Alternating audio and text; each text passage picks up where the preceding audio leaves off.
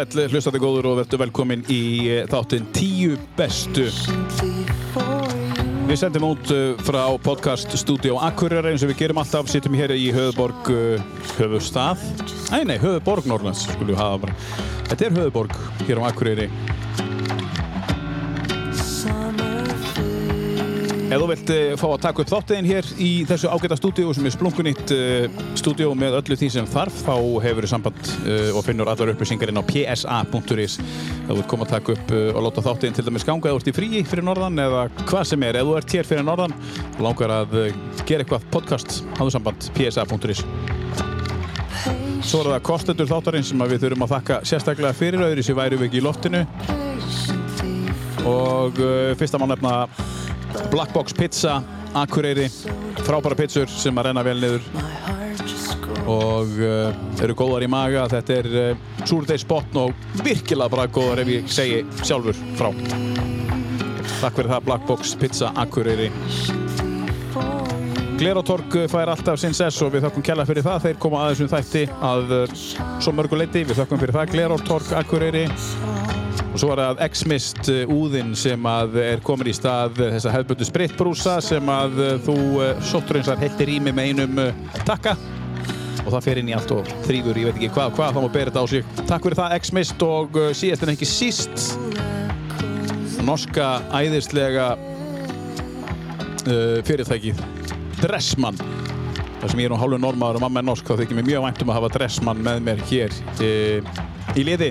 Takk fyrir það Dressmann á Íslandi og uh, við vitum öll hvar þessar reslanir eru meðal annars hér á Glerotorgi á Akureyri og á fleiri stöðum í Reykjavík. Takk Dressmann og kostendur. Við hefjum leikinn á um, norrlæskum artista sem heitir Ivan Mendes og þetta lag kom út bara núna á dögunum. Við sitjum hér 18. mars 2021 og lagið heitir Patiently, kom út bara fyrir nokkur dögun síðan. Frábært lag hjá Ivan Mendes með setu ef þú vilt uh, fletta honum upp á Spotify eða einhvers þar annar staðar.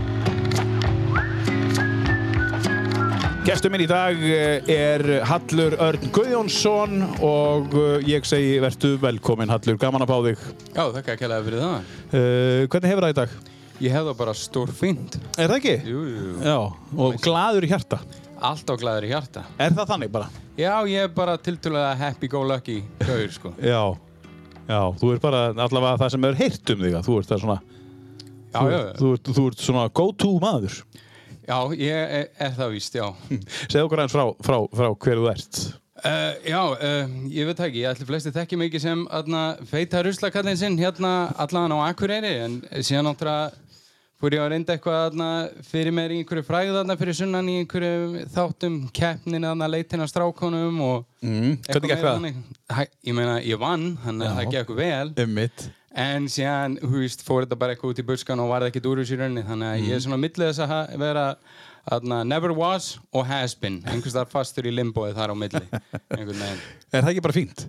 Það er bara fínt held ég Já, Það er bara fínt Og þú ert akureyringur. Já, fættur uppalinn Fættur upp að linn og hvar fættist þú á akureyri? Ég reikna með að sé á fjórðungssjúkróksinu en ég er ekki viss Já, á fjórumsókurhúsinni. Nei, ég, annars veit ég ekki, jú, öruglega En hvar ólstu upp? uh, Ég bara hérna á erinni, Ránagötu 21 Já, bara hérna við hliðina. Já, já, já, Ekki langt frá okkur. nei, nei, nei Já. Og hvernig, eh, þú akureyringur, hefur alltaf búið hér eða hefur verið einhverstað annars þar? Ég bjó fyrir sunnan í pínustund þegar ég var að taka upp þessa þætti en annars hef ég alltaf búið hérna Já. á Akureyri, já. Já, ruslakallin sér. Er ég. Já. Ertu kallaður, ertu, ertu þekktur undir því nafni að því að þú starfar í sorphyrðu eða? E, svo sem ekki, ég held bara að fólk þekki mig að því að sé mig út um gluggan hjá sér en ég, ég tilkynni mig svo sem ekkert sem ruslakall eða neitt annir sko. Nei, þú heldur að þetta sé svona viðurnemni. Ég held að já, e- e- ef ég á fólk til þess að átt að sjá hver það er, þá segir bara feitir ruslakallinn, það er bara eitt feitur ruslakall, skilur. Já, sko, sem, sem var feitur. Já, nákvæmlega. Já, og það, það ætlum við að fara yfir hér og eftir og, og, og, og þú ert nú búin að taka heldur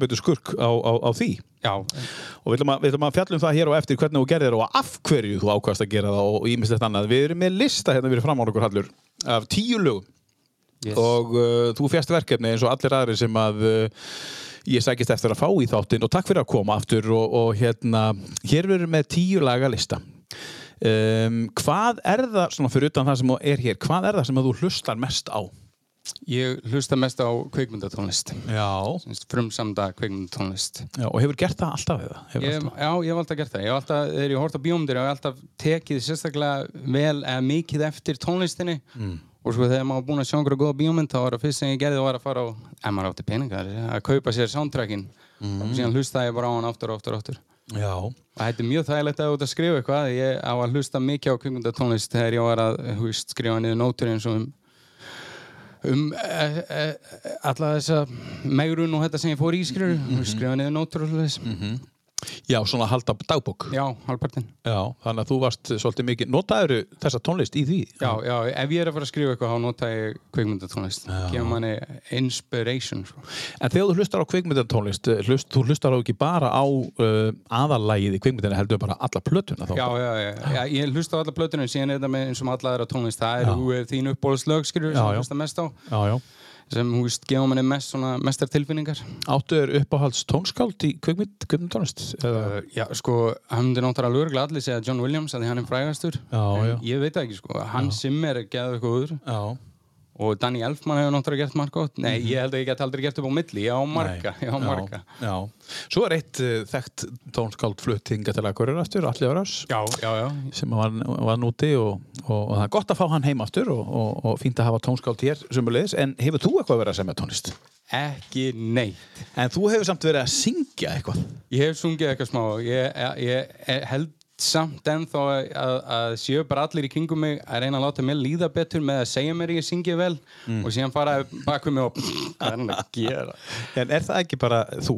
Eh, að hef verið órugur með það? Nei, bara svona að vera alveg sama þó að fólki Ég, aðna Uh, að að það er að halda að mér sé alveg sama. Ég held að það sé meira það að ég bara gerir hlutina og æ, ok.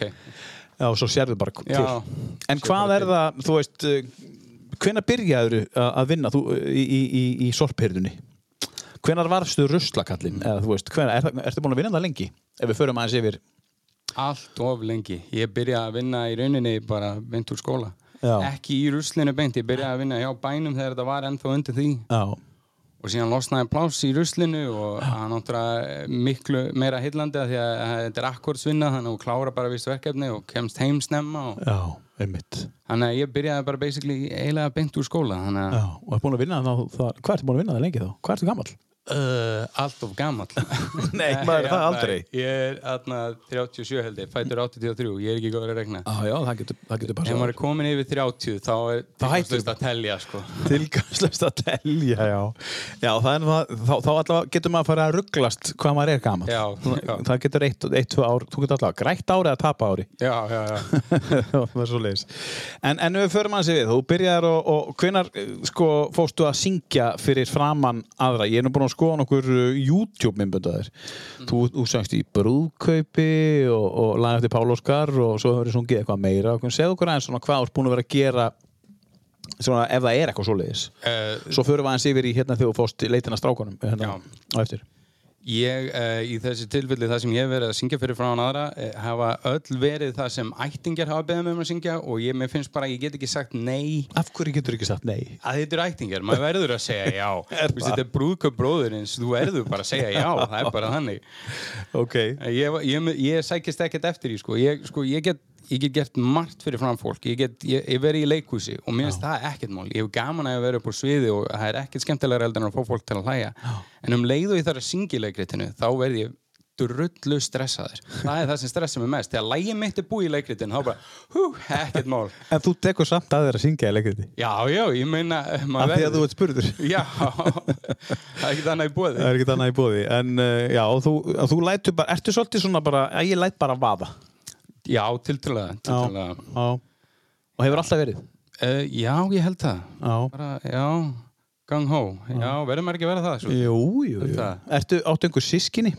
já, já, tvö sískinni, einn eldri bróður og eina yngri sýstir Já, hún hún er í miðunni ég er miðjubann, Já, ég, ég sé ekkert vandamál á það samt, eins og margir aðri tala um, ég veit það ekki. Nei, það er fullkomið, ég meina, ég tala reynslu líka. Já, ok, Já, ok. þannig að það er bara flott.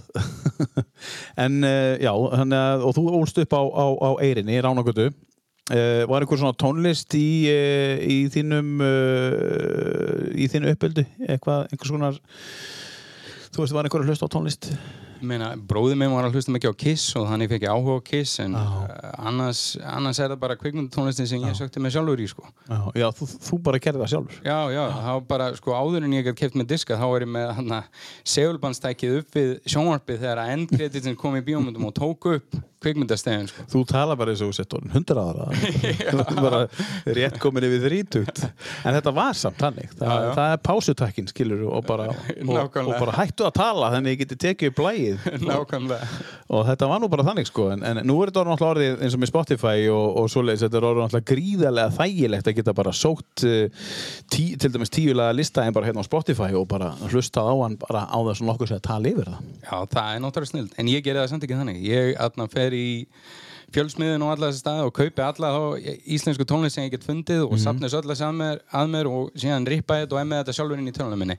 Þannig að ef netið fer af og ég hef ekki afgang á Spotify þá er ég með alla mína tónlist, takkaða og með réttu albumcover og allt saman. þannig að þú vilt beina það að netið sé svona bóla nei, nei, nei, nei, ég veit ekki hverju ég gera þetta. Ég vil bara einhvern veginn, ég vil kaupa og eiga tónlistina. Já, og vilt hafa þetta svona þetta vera, þú ætti að snerta þetta Nákvæmlega, nákvæmlega. Já, og, og, og er það CD eða er það vínill sko vínillin náttúrulega æðislegur og ég kaupi það þegar ég get en síðan er það, þú veist, það er svo mikið af þessari tónlist sem ég kaupi sem kemur í, út í þessu limboi sem kom á milli það, að hættu með vínilplötur eins og ég vildi kaupa eldfuglin með plötun Já, hans, ég vildi já. kaupa hann á vínil og ég Já. sendi honum e-mail og ég, mér skilt hún hafi ekki komið út á vínil hún kemur einmitt þegar gestludiskurinn er að koma nýr og þá bara hættu við með vínilin Já, já, En ég sagði hann um að ég kemur með Kickstarter þar sem hann ætlar að gefa út plötuna þá er ég fyrstur. já, já. En þú talar um að þú gerir þetta með íslenska tónlist Sérstaklega. Sérstaklega því að þú færði ekkert alla íslenska tónlist á netinu Nei, Það er já. mikið af tónlist sem þú færði ekki.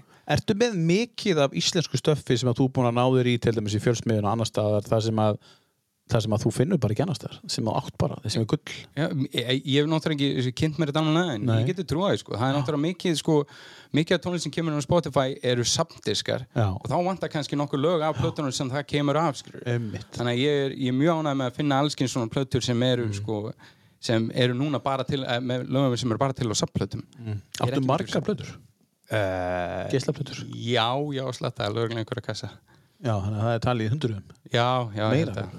Nei, ég veit ekki, kannski einhverjum hundunum Já. Já, þú ert ekki með þetta að raða í stafrósu upp í vegg eða eitthvað svo leiðis Nei, það er ekkert pláss fyrir slíkt. Ég er yppið inn í tölunum með þetta í bara sapni í tölunum og síðan er þetta ofan í kassa. Skanna inn coverið til að hafa uh, high resolution cover að þessu í tölunum og... Já, já, þú ert þarna alveg Já. bara eins og maður var hérna upp, upp úr 2000 Já, já, ég er ennþá þar, sko. Her, það er þetta frábært en, en hérna, við skulum vinda okkur hallu bara í fyrsta lagið og, og, og svo ætlum við að bara fara svona svolítið yfir eh, eftir þessu hérna, eh, ríðum það eins upp er eitthvað sem tengir við það hér? Nei, nei, ekki svo ég veit, nei. en hvað, á hverju viltu byrja? Uh, bara Mike Oldfield, Mike Oldfield, já um, Tubular Bells. Já, er þetta kvikmynda er, er, er þetta úr kvikmyndið? Þetta er úr kvikmynd, já, þetta er úr Exorcist og atna, þannig sem ég kynntist þetta fyrst að þegar ég var að spila atna, midi útgáðan að þessu, áður en MP3 kom til, þá var ég náðið mér midi útgáðan að Exorcist þemanu og pappi minn segið mér, hvað, þetta er ekkert Exorcist þema, þetta er Tubular Bells, þetta er Mike Oldfield. Og Já, þá fór ég að kynna mér þetta og var ástofangin að Mike Oldfield og kemti mér diskinn. já. Þetta er búið að vera ringitótnin minn frá því að ég fekk fyrsta síma minn. Það fyrsta sem ég gerði þegar ég kaupi mér nýjan síma, það er að setja inn þetta stef sem ringitónin minn. Í alvöru? Já, Og lætur þessu ringja bara þegar þetta er svo gott lag Er svona eftir þetta náði því að þetta það er reyndar ekki. Ég, ég fann að venjast í tölvöld núna þannig að ég, ég svara, en ég gæti það, já. Já, þetta er búið að vera ringitóniðin síðast Þe- Þetta er ringitóniðin Þetta er ringitónin minn. Tubular Bells meiri sig Já. Er bjöllur En uh, við erum að tala um Mike Oldfield uh, Horfur mikið á hryllingsmyndir? Já, eh, Já. þegar ég horf á myndir almennt, já, þá horf ég mikið á hryllingsmyndir. Mm. Ég fann að horfa minna, minna á myndir núna, þetta er mikið úrval. En annars, jú, ég elskar hryllingsmyndir. En þú velur núna frekar bíómyndir sem þú ert alveg að velur rosalega vel og... Sko, það er nú bara sorglegt að segja, en ég í rauninni þegar ég horfa á allt úrvalið og er að fara að velja þá enda ég jafnvel með að velja eitthvað sem ég hef séð að ég veit að það er gott stæðan fyrir að taka sjensin með eitthvað nýtt sem ég veit ekki hvort það er gott. Það er bara frábært. Já, ég meina maður veit það gott. Já, já, meina, þú, þú áttir tíu upp á þessu lög hérna og þú er búin að hlusta á það miljónsunum. Já. Þú er búin að heyra þetta lag nokkur þúsund sinnum í símaníðinu töluvert oft. Herri, við skulum heyra hérna aðeins í, hérna, þetta er þetta 26 mínútur lægið, við skulum ekki heyra það allt en svona leifum því aðeins að rúla Tubular Bells, uh, Mike Oldfield af uh, plötunni Tubular Bells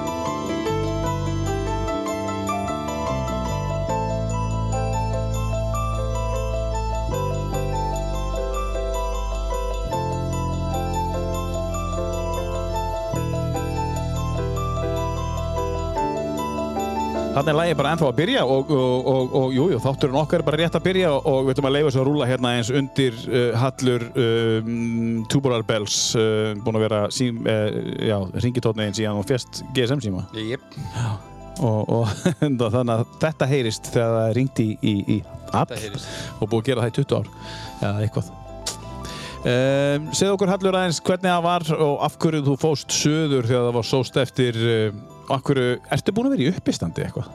Nei, Nei þó ég hef, ég, ég veit ekki, húst, eitthvað reynd fyrir mér í því. Já. En, nei, ég hef ekkert, ég, get, ég myndi ekki segja það, nei. Tölum aðeins um leitin að strákunum sem að, hvernig, hvernig var það æfintir allt saman?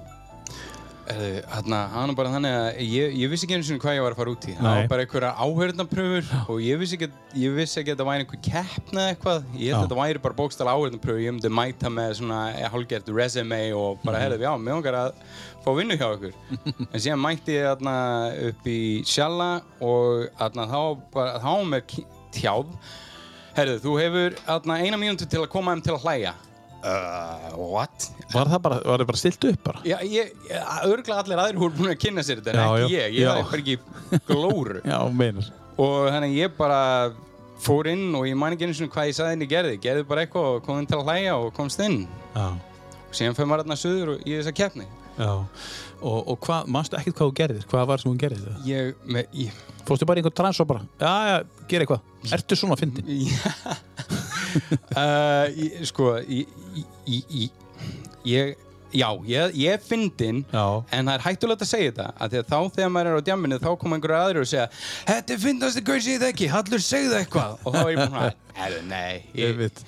Já, já. Nei, nei, jú, mér minnir ég hef eitthvað að tala um það hvað, hvað mér finnst spyrjandi hvernig atna, fréttamenn væru að því að atna, áðurinn ég fór inn, þá kom einhver atna, sem var að taka svona viðtölu við alla áðurum að fer inn. Mm -hmm. uh, tróð mikrofónunum í andlit á mér, spurði mig að einhverju einfaldri spurningu sem er mjög einfald svar við og veist, hvað segir í dag eitthvað? Og ég segi bara allt gott. Og hann held mæknum að mér ennþá, alveg örglega í halva mínútu að býða eftir að ég myndi koma með eitthvað Eitthvað grín. geðveikt svar sko. Og ég bara, uh, er þetta ekki búið eða og hann gerði þetta svona 3-4 sinnum og ég gerði þetta, lék þetta svona hálfpartin fyrir þá og síðan held ég að hann bara verið að ég er uh, hálfgerðu svona goofball aðeinsvariði sem hafi unnið á Já. En ertu, ertu vinamarkur? Áttu marga vini? Já, ég myndi segja það, ég átöluvert marga vinni Já. Og, og þegar þið vinitinn hittist, hvað eru þá að gera? Eru þeir eitthvað, segðu grín og eitthvað? Eru þeir í því eða? Nei, nei, nei, nei. Nei. það líka, þá er það líka bara svona dýnumís, það gerir sjálfkrafa og Já. sérstaklega með vinnum mínum þá er það nú þannig að að við svona, hvað, bánsum vel af hvora öðrum, skilur við, veist Mm. en aðna, nei, undanfærið hefur náttúrulega bara eiginlega ekki tist náttúrulega út Nei, nei. þessu Já. rugli en, Já, já. en áður fyrir þá var hann nú, ég- áður, eh, það var svo mikið tengt jamminu að maður var að hitta einhvern og eftir ég hætti því þá er ég eiginlega ekki að hitta neitt Nei, nei. en En sko, COVID kemur Mm. og, og, og margir tala um eitthvað, þú veist, að þetta hafi verið það erfiðasta sem að, þú veist, erfitt fyrir marga. Uh, að mörguleiti gott fyrir þig. Þú, þú, þú ert í einhverju mm, brjálari lífstísbreytingu þegar COVID kemur. mm. Segðu okkur aðeins frá því hvernig það allt saman byrjaði, uh, lífstílsbreytingin Já, bara hvernig, hvað hva var til þess að þú ákvaðast að stökku á þetta, hvenær var það? Uh, það Og af hverju? uh, í kringum 17. júni ekki fyrir eldur hitti fyrir Mm -hmm. að þarna, þá uh, settist hún mamma niður fyrir frá mig og var bara grátandi að byggja mig um að gera eitthvað í mínum málum að því að ég var orðin 200 kíló og hún vildi bara ekki sjá mig bara að drepa mig Já. Og ég aðna í viðtalinu sem að tekja um mig sagði nú að ég hefði strax e, breytt um lífstílinn. Það var ekki þannig, ég aðna náttúrulega reyfst bara við hana eins og einhver algjör skítall, sagði bara þú veist, einhverja hádramatíska hluti eins og hvað má ég ekki borða neitt? Eða hvernig á ég það að lifa? Og eitthvað svona algjört bull og var bara skítall með mömmu mína sem hafði ekki gert neitt af sér nema bara þykja vænt um mig. Já. En síðan stuttu setna á svo ég að mér og bara ákvaða að pröfa þetta því ég hef heyrt um þetta keto mataræði, ákvaða að pröfa það?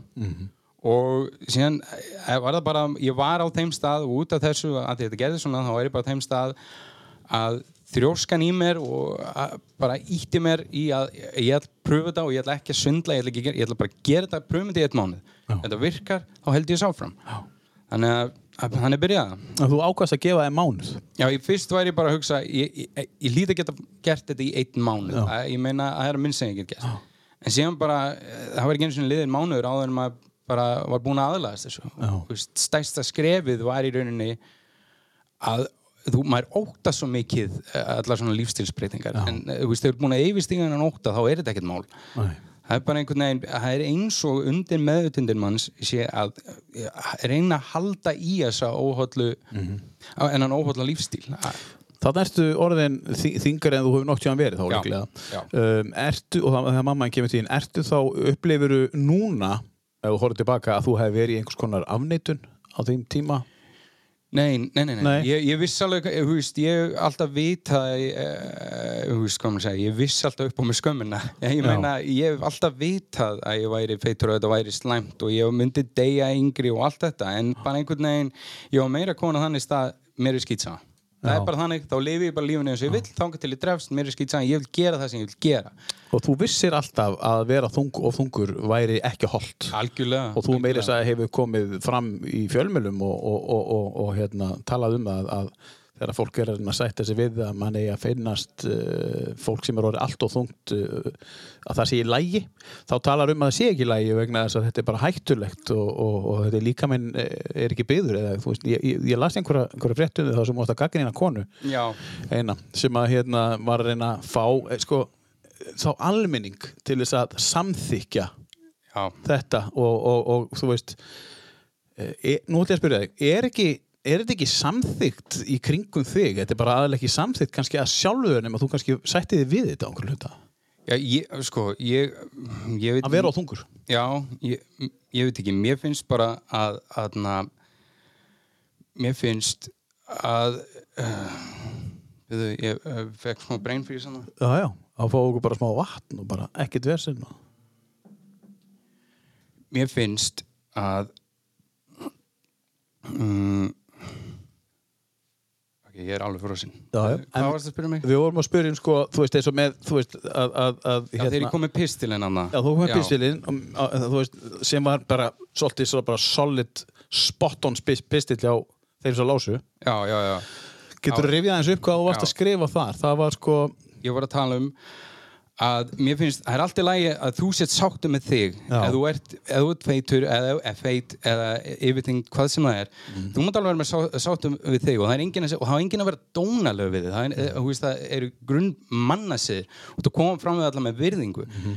En við skulum samt ekki setja upp á stall að vera feitur eða vera í yfirþyngd og láta það líti út eins og sé í fínulegi að því að það er ekki heilsusamlegt. Einmitt. það er heilsuspillandi. Og bursið frá því þú farið til læknis og þú far- farið í blóðpröfur þannig og þú sér, nei, það er fínulega með blóðið mitt læknir segir það, þetta hefur áhrif á hnén þetta hefur áhrif á baki, þetta hefur áhrif á svo margt þetta hefur áhrif á svo margt í kringu þig.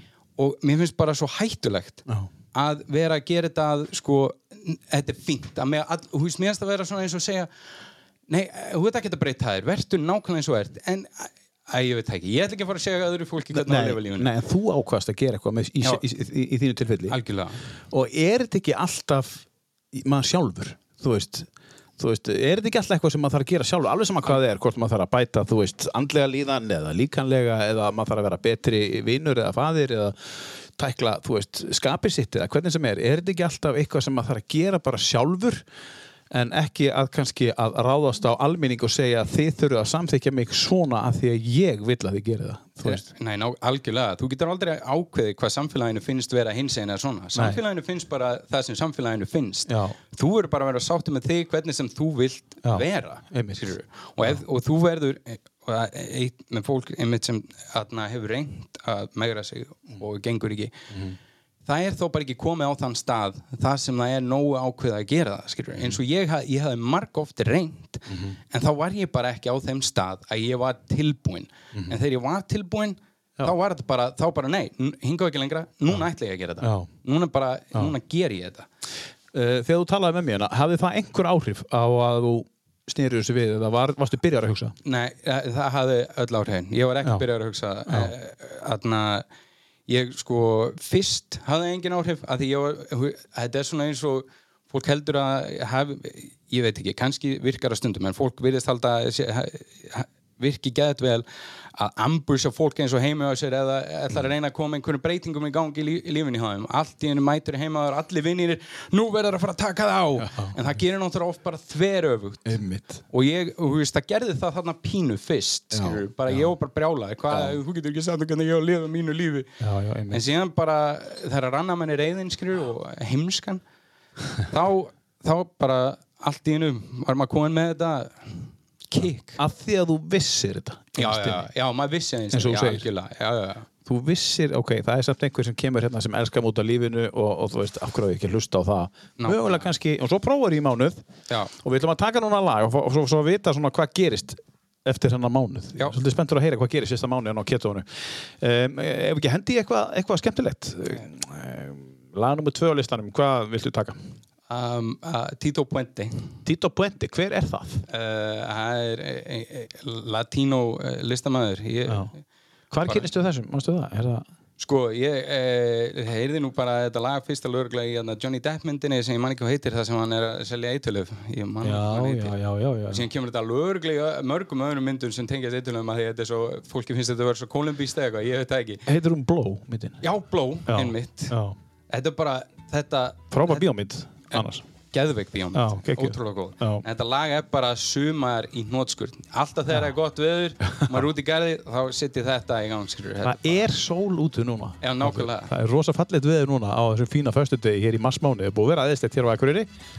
Sendum þetta aðeins út í kosmosin og, og, og, og það er að koma vor til ykkar, allra.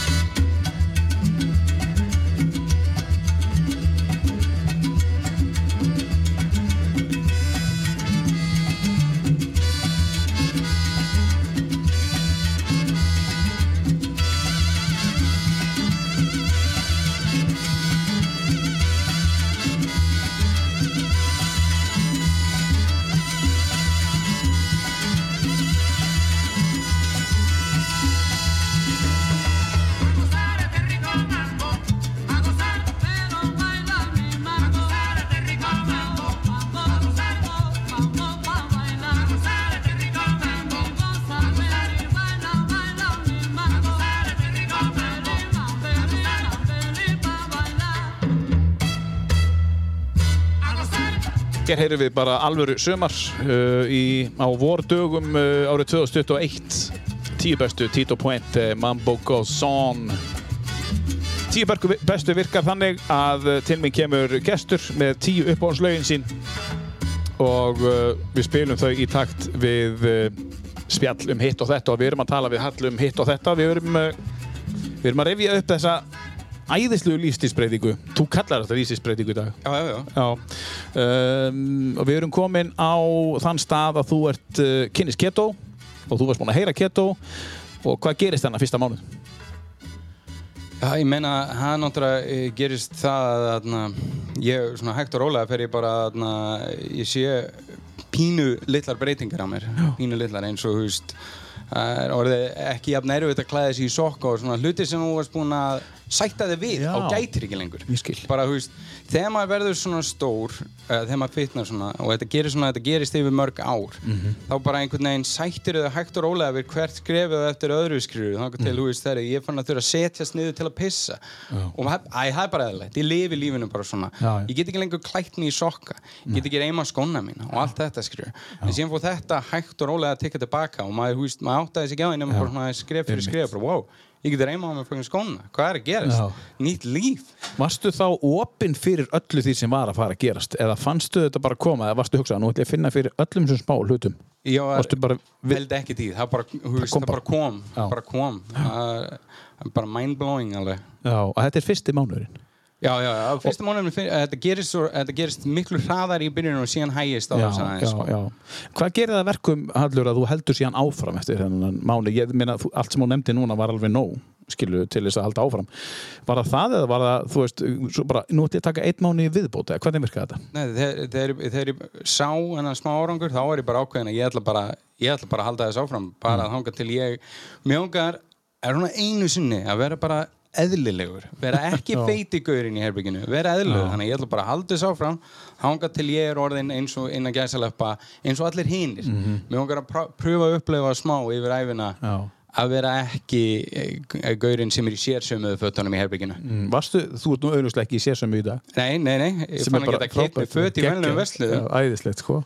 En, en sko, segðu mér, um, varstu þungur líka þú varst lítill, yngri? ekki sko sem barn Nei. en á unglingsárum fór ég að fitna mjög ört Já, já. Er þetta genatíst eða var það því þú hreyður ekki eða var það mataræðið, veistu, getur þú tengt þetta við ég eitthvað? geti trúið að sé blanda af öllu sko. Blanda af öllu, já. Og ég, hef, ég var aldrei í neinum íþróttum með neitt Nei. það er ekki að því ég nefndi ekki það var að því að ég var hafði uh, kjánalega nótt af það að vera lélæri en aðrir ég get aldrei byrjað í íþrótt að Já. ég þurfti að vera góður áður en ég geti sínt mig í íþróttinni þannig að ég tók ekki þátt í neinu getur verið nú er ég bara að hugsa að þessi e, e, þessi hugsun sem að þú hafðir þá sem að var þér í blóð borin þegar þú varst lítill þrákur að þú vildir ekki byrja að þú vildir vera betri en hinnir e, þetta er hugsun sem að gæti hafa komið og hjálpað þér í byrjun að þessi staðfesta.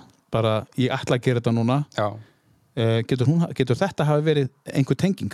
Það getur verið. Ég hef þessum aldrei hugsað út í það. Nei, að þú bara, ég ætla að vera bestur en fyrst ég get ekki verið bestur þá ætla ég bara ekki að byrja. Ein, já, einmitt. Og, og núna, og, og, og svo hugsun bara að því að nú ertu bara að eiga við sjálfa þig. Já, já, já. Var- En ég þarf ekki að bera mig saman neitt, Nei, er bara ég. og þessi hugsun geti hafa hjálpað. Já, já, bara, ég er að fara að gera þetta af því að það er nú margir, nú hefur sjálfur í þessum bransa í, í 30 ár og, og, og maður hefur séð allt skiluru og, og þess vegna ræðist ég á þetta því ég sé þig, ég bara, herru, ræðum þetta eins tölum aðeins um þetta bara opinskátt. Uh, þú ert orðin oftungur uh, orðið feitur. Það er það sem er langar svo að ræða við um. Mm. uh, mér finnst það gríðalega ljótt orð. Og, og hérna mér finnst uh, mín skoðun og ég ætla að spyrja því um þína skoðun skoðun mín er að að nota orðið feitur er eitthvað sem maður getur nota yfir sjálfan sig en ekki gegn öðrum Já, algjörlega. Ég, ég myndi aldrei segja um einhvern annan, Nei. en ég nota það yfir mig Já. af því að, af því að, já, þetta er einhvern veginn, þetta er bara þannig. Ég má alveg segja um mig að ég sé feitur. akkurat. Þetta er svona eins og með grín. Ég má grínast með að vera feitur og allt sem ég hef gengið gegnum. Já. Það er kannski verra ef einhverju aðrir er að grínast á minn kostnað fyrir Akkurat. að vera feitur. akkurat og hefur þú fundið fyrir því Nei, Nei. ekki neitt. Ég hafa mikið af leiðinlegu, uh, skemmtilegu fólki sem vildi vel þegar ég var að djamma fullur að skemmta mér sem kom upp á mér og Já. Allir, nú verður að fara að taka þig á. Eitthvað fólk sem ég þekkti var alltaf, skilur. Já. Það var það leiðilegast. En fyrir utan Einmitt. það, þá var engin, ef aldrei orðið finnir neina aðkast eða neitt. Nei, það er bara frábært Reyndar, er- er reyndar, börn eru svo skemmtilega saklaus að þau oft sko benda á manna, sér þannig að feita! Jesus, já. En hvaðan fá þau orðið, feitur? Hva, veist, það er það sem ég er að tala um. Já, nákvæmlega, ég veit það ekki. Hva, eh, þú veist, eru þau að þá að heyra mamma og pappa segja einhversu veitur? Og þau sitja aftur í að heyra það? Öruglega, menn þetta, ge- a- öðru sér kemur þetta ekki. Nei, nákvæmlega. Þannig að kannski fóreldrar sem eru með börn sem að segja að aðri séu feitir þá kannski þau ættu að fara að hugsa bara, herru, hvaðan er þetta að koma? Einmitt, einmitt. og mögulega kemur þetta frá ykkur fóreldrunum það Nákvæmlega er að þetta en þú ert þarna núna á öðru mánuðu og þér líður bara vel og þú fann að geta bara gert þessa litlu, pínlitlu hluti sem er svo æðislegt að ræða sko, að þú veist bara, að því þú finnur það sko, já. sem þýðir að þú ert bara, vá, ok, þú ert út all in hana algjörlega. Og, og þetta er hvenna, þetta er í ágúst september, Þetta þú veist, 2019 Já, já, í kringu þann tíma. Svo kemur haustið 2019 og þú bara heldur áfram Já, já, ég bara, ég var bara ákveðin þetta, bara, þetta er lífstíl sem ég ætla að halda áfram með bara að hanga til ég er well, eins grannur og ég get orðið já, já. og eh, ég, þá var það líka sko, þá var þetta ekki lengur þetta var ekki en kvöð Nei. eftir, þú veist, það tók ekki það langan tíma til þess að venjast þessu og þá er þetta bara, þetta er partur af lífinu og hugsa ekki um þetta lengur Mhm. þú veist, þetta er ekki svona, ó, ég má ekki þetta, ég má ekki hitt það er bara, nei, nei, svona er bara lífið ég Mhm. Breytir engu fyrir mig. Nei, í dag er þetta þannig að Já, já, já, ég, þetta er engin áhrif á mig. Og eins og öll þessi skipti það er allt og oft þegar, ég, þegar maður kemur í einhverja veislur eða fer með einhverjum á kaffús og einhver fæsir eitthvað eitthvað djúsi sæta köku eða eitthvað svona fyrir framið þá horfur fólk á mig og segja ég fyrir gefðu eins og, eins og ég sé eitthvað eins og ég sé eitthvað berjast inn í mig bara, ó, ég geti fengið þessa köku er þetta ekki að grína? Nei, nei, nei, nei, þetta er mjög sem þetta gerist og ég bara, herri, ég er bara góður sko Þetta er náttúrulega bara kjánalegt sko. Það er bara vond að heyra þetta Já, já, í alvörinni sko. en, en sko þegar maður er að takast á við svona sem er svo ægíslega persálegt sko, eins og þú ert að gera þetta er bara ég, ég, ég er að gera þetta, ég er að gera þetta að þá að hluta til en maður að berja eftir samfélagi í leiðinni sko. Það er hillingur þannig að maður þarf að finna einhverja leið. Þú, ég, ég, ég, ég, þú fannst leið til þess að gefa bara skít í samfélagi í þessu tilfelli bara, ég ætla að gera þetta sjálfur. Já, já, Höldum áfram eftir með þetta og, og hérna, tökum e e eitt, af- eitt, af þessum frábæri tíu lögum sem við ert með hérna á þessum lista eh, Hallur. Já, þarna bara Toto Já, þetta hérna, þetta er náttúrulega Þú veist að tala um sumar á hann með honum hérna, Tito Puente mm Það er sumar í þessu líka, sko Það er sumar í þessu Þetta er ekki úr kvikmynd, þetta er nú bara Nei, nei, þetta er bara, ég ég hef alltaf verið mikið fyrir 80s tónlist, alla 80s Já. tónlist Ég veit ekki hvort það sé að því ég fættur 83 en Mögulega. Þarna, þetta lag, alveg saman hvernig líður að hvað er að gerast Já. í lífinu þínu ef þú hlustur á þetta lag, það bara er allt rólegt og gott, Já. Þannig get ég verið 100% sammálaður og ég veit að hlustendur að þarna út eru að margir uh, 100% sammálaður Við skulum heyra hans í Toto, þessu frábæra lagi sem heitar Afrika I hear the drums echoing tonight, and she hears only whispers of some quiet conversation. She's coming in 12:30 flight. Moonlit wings reflect the stars that guide me towards salvation. I stopped an old man along the way hoping to find some old forgotten words or ancient melodies. He turned to me as if to say, Hurry, boy, it's waiting there for you.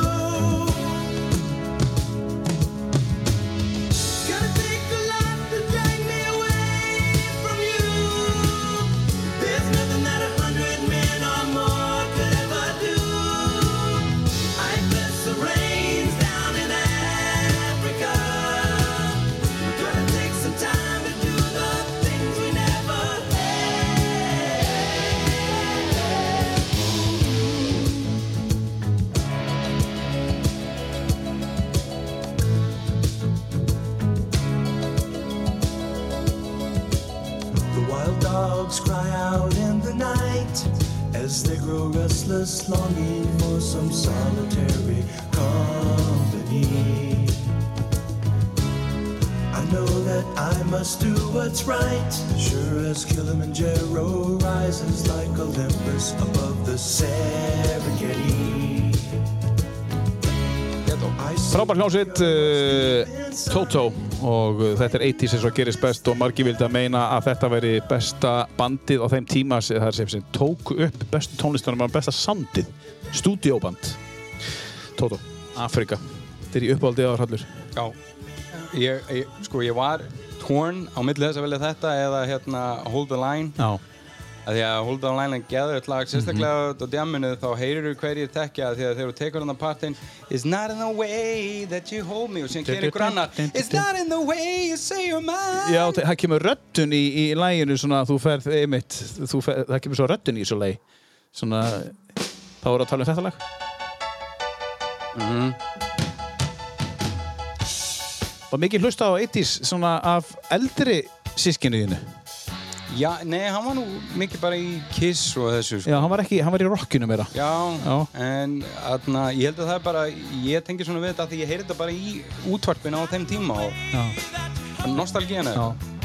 En þú, ert, þú býr bara til þín einn stíl. Þetta er ekkert að koma í gegnum neitt sem er á heimilinu. Nei, haldi ekki, sko, ekki Nei. eins og 80s tónlistin. Ég fíla alveg rock, sko, ég fíla Kiss og ég fíla allt það sem bróðum minn hlusta Já. á F- Fæ það í gegnum hann er í nokkuð þessum Já, En síðan er 80s tónlistin mikið bara ég og, og sérstaklega kveikmyndatónlistin Það er enginn í kringum þess að hlusta á kveikmyndatónlist En þetta hefði getað verið hérna.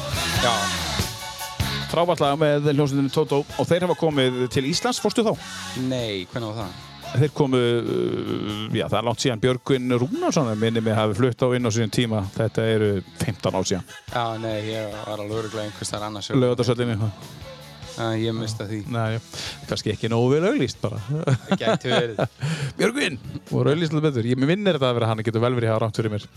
Herðu, en uh, við erum komin uh, Mér langaði að spyrja þig uh, Við vorum að tala um orðið áðan orðið að vera að feitur sem er náttúrulega gríðilega ljótt orð. Með við nota yfir okkur sjálf en allt og margir er að nota yfir annað fólk. Þess að segja sko hann er hérna hann er svona dökkari, hann er býnur feitur. Og maður bara, já ok, býtur, svo kennst maður að því hver það er og maður er bara, býtur, nei, þessi gæi er náttúrulega ekki feitur. Nei, þannig að þetta er svona einhver sem er það, er einhver, það getur verið brenglun í höfðun á þér hvað feitt er, sko. Já, og þá getur verið maður sem er 10 aukakíl og hann hann feitur, sko. Ja, einmitt veist, en, en svo er það bara fyrir öðrum bara, hann er bara alls ekki feitur þannig að þetta er svona, ég myndi segja að fólk ætti að spara þetta orð fyrir sjálfan sig.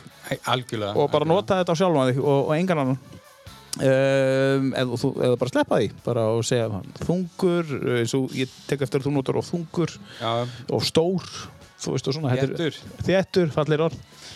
En þarna ertu þarna í ágúst, september, oktober uh, 2019, ertu þá farin að léttast eitthvað þegar er þetta, þú veist? Og aðna, ég viktaði mig reyndar ekki, sko, ég viktaði mig þegar ég byrjaði og viktaði mig síðan aftur í jólunum aðlað því að mamma mín vildi ekki fá neitt annað í jólagjöf heldur en hvað ég væri búin að léttast. En ég viktaði mig ekkert í millitína því að ég, þegar ég byrjaði þá var planið með þetta, ég ætlaði bara að gera þetta. Gang ho, ég ætlaði ekki að vera að vikta með alla daga og eitthvað þér. auglýsa það, ég ætlaði bara að gera þetta on, uh, veist, eins, og, uh, þú- eins og ég, ég ætla að sletta on my own terms Já. og ekki fara eftir öllu þessu vikta mig og posta Hrikalega. á Instagram og allt þetta bull. Hrikalega flott þakka fyrir. Og ég bara, ég myndi reikna með að ég hef verið komin hálfa leiðin þannig að ég hef búin að letast á alveg örglum einhver svona 20, 25, 30 kíló ég veit það ekki. Mhm. þegar það komið atna, fram á haustið sko. Mhm. þá var maður fann að taka eftir verulega mun eins og bara að fara að þurfa að bæta við götum í beltið allt einu. Já, það er stórkostu tilfinning sko, hérna, og, og, og það er góð tilfinning að, að finna þetta því að þú veist, og, þú veist tilfinningin kannski að þú ert að gera eitthvað bara núna, ég er að gera eitthvað sem ég, veist, ég sett mér markmið og mér, ég, er, mér er að takast það. Já, maður sér árangur. Ég sér árangur og þú veist, þetta getur tengst öllu öðru. Þú veist, það getur verið laupamarkmið eða, leta sig eða missa eh, sentimetra eða, eða hlaupa upp eitthvað fjall á einhverjum ákveðinu mínúti eða getur taka arbegur eða uppsettur þetta getur verið svo mikið. Einmitt. þannig að þú ert að ná þarna einhverjum, einhverjum árangri sem þú hefur kannski ekki náði í einhver tíma sem þýðir, er, er þessi lífstíl þá þessi, sem þú einsettir í byrjun er hann þá svolítið að ná þér bara, bara þetta er Algjörlega, algjörlega. Ég bara, ég sé ekki fram á að ég, að ég atna, hætti nokkuð tíðan á þessum lífstíl. Mm. Jafnvel þó að sko, þegar ég er komin í það form sem ég vil vera í, myndi ég kannski leiða mér einstakar svindldag. Já. Ég hef ekki gert það frá því ég byrjaði. Ég hef ekki svindlað stakkan dag. Nei. Bara haldið mig við þetta. Að ég hugsa, skrýur bara, ef þú ætlar að gera eitthvað að gera það á heilum hug, ekki, það það er bara flæki hlutin að vera með svindlag hér og þar. Ég, veist, ég, ég, ég sé ekki hvernig það virkar. Það er bara að setja upp meiri hættu að þú fallir í, í, í rauninni. Það er basically bara uh, sikur, uh, sælgeti versus áfengi, sama? Já, einmitt, ég myndi ekki segja að ég ætla að hætta að drekka nema að ég tek Nema laugardögum. Já, nákvæmlega. Einmitt. taka 10 bjóra lögutum og hvað má ég drekka mikið eins og þú vilt? Ja, tek 20 bjóra lögutum þetta er svona svipað, já, ég er sammála. Þetta- ég get verið sammála mörgu þarna sem þú að segja. En, en segðu mér uh, um, hvert er markmiðið þitt? Ertu með eitthvað loka markmið? Þú þarf ekki að segja hvað það er í kílóum eða eitthvað, alls ekki gera það, en ertu með eitthvað loka markmið bara?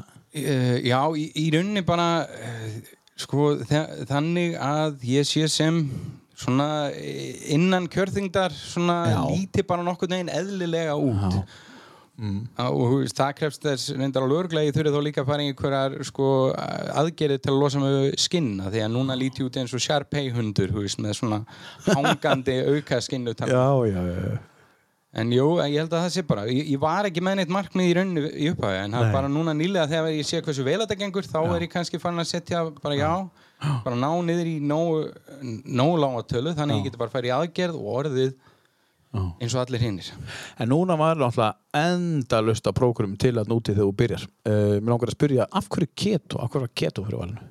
Veistu það? Ég, nei, ég bara það er náttúrulega, hún mútt borða kjöt Mhm. og ég er mikið fyrir kjöt já. og allt sem það þurfti, ég þurfti að sleppa var ekki jafn slæm Nei, og maður ég reknaði með ja. maður held einhvern veginn að þetta væri verra sko. Já. en síðan ég var aldrei mikið fyrir nammi hvað sem er. Það eina sem ég sakna eru kartöflur. Og það er að verandi Íslendingur það er kartöflur með hver einustu máltíð. Þannig að núna þegar allir aðrir er að fá sér kartöflur þá er ég bara með drækjöt en ég er bara sáttur sko. Já, ég fæ mér nú reynda grænmeti með því. Já, er ekki? Jú, jú, jú. Um, um, já, þannig að þú ert, þú ert á þeim stað að þú, þú ert sko, ekki núna en þannig að í, í lok ás þú ert komið þú, þú ert bara, ok, ég er komin það er 25, 30, 40 kíló farin að mér það fer svolítið hratt Já, eins og þú segir, eh, svolítið algjörlega. hratt sko. og það er þegar þú stígur og lest í hálft ára milli uh, viltu segja okkur hvað var mikið sem, sem að fór á þessu hálfu ári þá þú stekst þá til þú þú þarft ekki að segja það sko. Uh, já, fyrsta hólunum Já. ég held að ég hafi farið úr uh, sko, ef ég manna rétt úr uh, 200 niður í 144, mér minnir það Já, það er rosalegt sko. já. Mér minnir það Já. en, já, En, en sko, já, var það fyrst kom þetta alltaf meira og meira og meira á þig eða varstu búin að vera þarna lengi? uh, í, Ertu að meina í 200 kílónum? Já, já. Uh, sko, það, ég var búin að vera sko uh, yfir 160 í tölvöran tíma Já. en síðan gerist það að ég datt í vinnun og fór úr axlalið. Og ég vinn í ruslinu við að lappa einhverja 30 km á dag þannig að það var alveg örugglega það eina sem held í mig lífi og meðan ég var svona feitur sko. Já. en síðan þegar það dettur út og ég er frá vinnu í þrjá mánuði þá bara, bara þyngdist ég að um bara 20-30 kíló in no time Já. og þá fór ég upp í 200 kíló Já. En þú segir eins og þú segir bara engin svinddagur og svoleiðis og dagarnir þannig áður eins og þegar þú varst uh, þarna meittur í öxlinu og svoleiðis þá er svolítið mikið að svindldugum. Já. Hvernig er að fara úr því að svindla bara ekkert? það er í rauninni ekkert mál. Nei. það er bara þetta skref það sem þú það sem undir meðutnindin þín er að segja þér þetta er allt og erfitt, ekki einu sinni reynenda slepptu þessu bara, en miklu öðuldar að geta allt sem hún vilt, hætt þessu. En þegar þú komin yfir það skref, þá er þetta bara wow, akkur var ég að miklu þetta svona mikið fyrir mér? Þetta þetta er ekkert mál. En þú veist, ég er ekki að segja sé þannig fyrir alla en fyrir mig var það allan að ég mér, þegar ég lít aftur á þetta þá er þetta bara, af hverju ég ekki lungu búin að taka þetta skref þetta var ekki það erfitt Nei, og bara ég var búin að miklu þetta svo mikið fyrir mér Já, þú vilt meina bara að, að, að þetta hafi ekki verið jafn verið erfitt og þetta. ekki, nei, málið er sko maður, maður býr til miklu sko, stærri þröskulda í hausnum á sér Já. heldur en þetta er Já. bara um leið og pröfar og byrjar þá sérðu bara, wow, þetta er ekki það mikið mál Var komin einhver uppgjöf þá bara svona, eða svona, þú veist, að þú varst sem þingstur. Nei, í rauninni ekki Það er bara svona að sætta sér bara, þetta er bara svona. Já, ég var meira bara, já, ég var bara tilbúin að drepast og, á, í etandi snakkið mitt, sko. Það það var ekki, í rauninni finnir mamma, aðna, var aðna skælandi við mér, sko. Ertu búin að þakka mömmu fyrir þetta? Já, já, ég þakk henni reglulega fyrir. Já, það er gott. Það er svona að íta sér út í þetta. En stundum þarf maður, maður veit ekki hvað maður þarf. En Nei. í þessu tilfelli þurfti þetta. Já, nákvæmlega. Já, þannig að, uh, ok, uh, ég minna, þetta virkar alltaf. Þegar maður mömmur koma og segja, æ, ég nennur að... Já, nákvæmlega. Það gerir maður ekki fyrir mömmu sína, sko. Einmitt. Herri, höldum áfram með, með þetta og, og, og förum að stýpara í þetta og klárum síðan þess að umræðu höldum svo áfram með tónlistina. Hvað, hvað er að taka e, næst hérna á listanum? Viltu bara fara þetta svona niður listan eitthvað? Já, já, tökum þetta bara niður listan. Já, eru að tala um þessi hérna gæi? Já, Já, mátt alveg segja okkur sko svolítið, þú veist, þú veist eitthvað. Já, já. Philip Glass er, aðna, ég, ég er ekki nóg fróður á svona mál en ég myndi kalla hann nútíma tónskáld, það er ekki, held það. Og hann hefur saman kvikmyndatónlist fyrir marga myndir. Það er á meðal þessa mynd, Koyani Skatsi, sem er fyrsta mynd af þríleiknum, Katsi þríleiknum. Og þessi mynd er, þessa myndir eru án í rauninni söguþráðus og, og tals. Þetta er bara eh, svipmyndir úr samfélaginu. Og fyrsta myndin sýnir til dæmis bara hvað, hvað heimurinn okkar er orðin svona versmiðju vættur. Og þetta í svona hraðuspólun og svona allskins myndbrot og tónlistinans Philip Glass undir og hún er stórkostleg, ótrúlega góð. Er þetta, er þetta bara, er, er, er, er, er, er fólk að leika? Er þetta teiknabítur? Nei, nei, þetta er, þetta er bara real life skilur, það er bara bara real life. myndalega tekn, þú veist, það er bara tekið upp hérna á hotni í New York einhvers stað, fólk að labba, mæti vinnu Já. og versmiður og hvern, bara þetta er semst, í rauninni bara svipmyndir úr lífinu frá þessum tíma í rauninni. Já. Og þetta, uh, hvar, hvar finnur maður þetta? Þetta er síðan 1983. Já, ég finn þetta náttúrulega bara með að leita þetta upp og panta þetta inn á Blu-ray en ég veit ekki hvort þetta sé á einhverjum veitum eða eitthvað, ég veit ekki. He, Það er síðan myndin, sko. Já, já, ég er að meina það. Ég veit ekki hvort hún sé, hún, já, efast um hún sé einn á einhverjum af þessum íslensku vitum, sko. Þetta er árið jakka gamalt þér, þetta fætt, þetta er fætt í 1983 eins og þú. Já, Skulum leifa aðeins hérna Philip uh, Glass að uh, eiga næstu, já, tvær, tvær mínútur eða svo.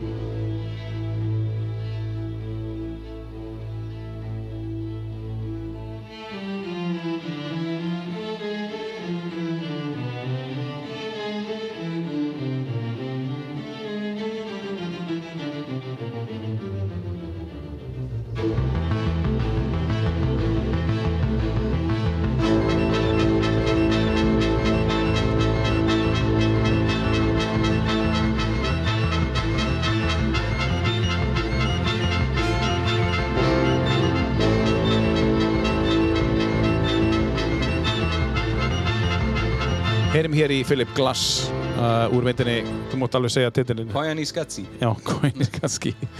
Uh, og við mælum með, eða þú mælum með að finna þessa mynd. Já, algjörlega, ég mæli með allir fyrir hann og horfa á hana. Já, og þetta er þríleikur. Eða, Já, já, já. Koyan í Skatsi, uh, Powakatsi og Nakoi Katsi. Veistu hvað það þýðir? Koyan í Skatsi þýðir Life Out of Balance. Já, ég, þú mátt þýða það á íslensku, Já. ég er ekki nóg snöggur. já, já. já, já. En, e, og myndin sýnir það svona dálítið hvað e, lífið, eða hvernig við erum að fara með jörðin og svona, finnst mér það þannig. En í rauninni er hún þannig að hver túlkar hana fyrir sig hvað hún þýðir. já, já. Ég mæla eindreið með henni. Frábært að heyra. Þetta er á listanum þínum bara yfir tíu bestu lög bara samin. Jep. Það er bara ekkert flókið. E, Ég gæti í rauninni valið hva, e, öll hinn lögin að á plötunni. Á, á þessari plötu, já. Já, þetta er, eru öll Já. mjög magnfrungin Já. og góð. En mér finnst þetta eftirminnilegast. já. Brúið ego. Er þetta eitthvað rúsnest? eða? Nei, nei.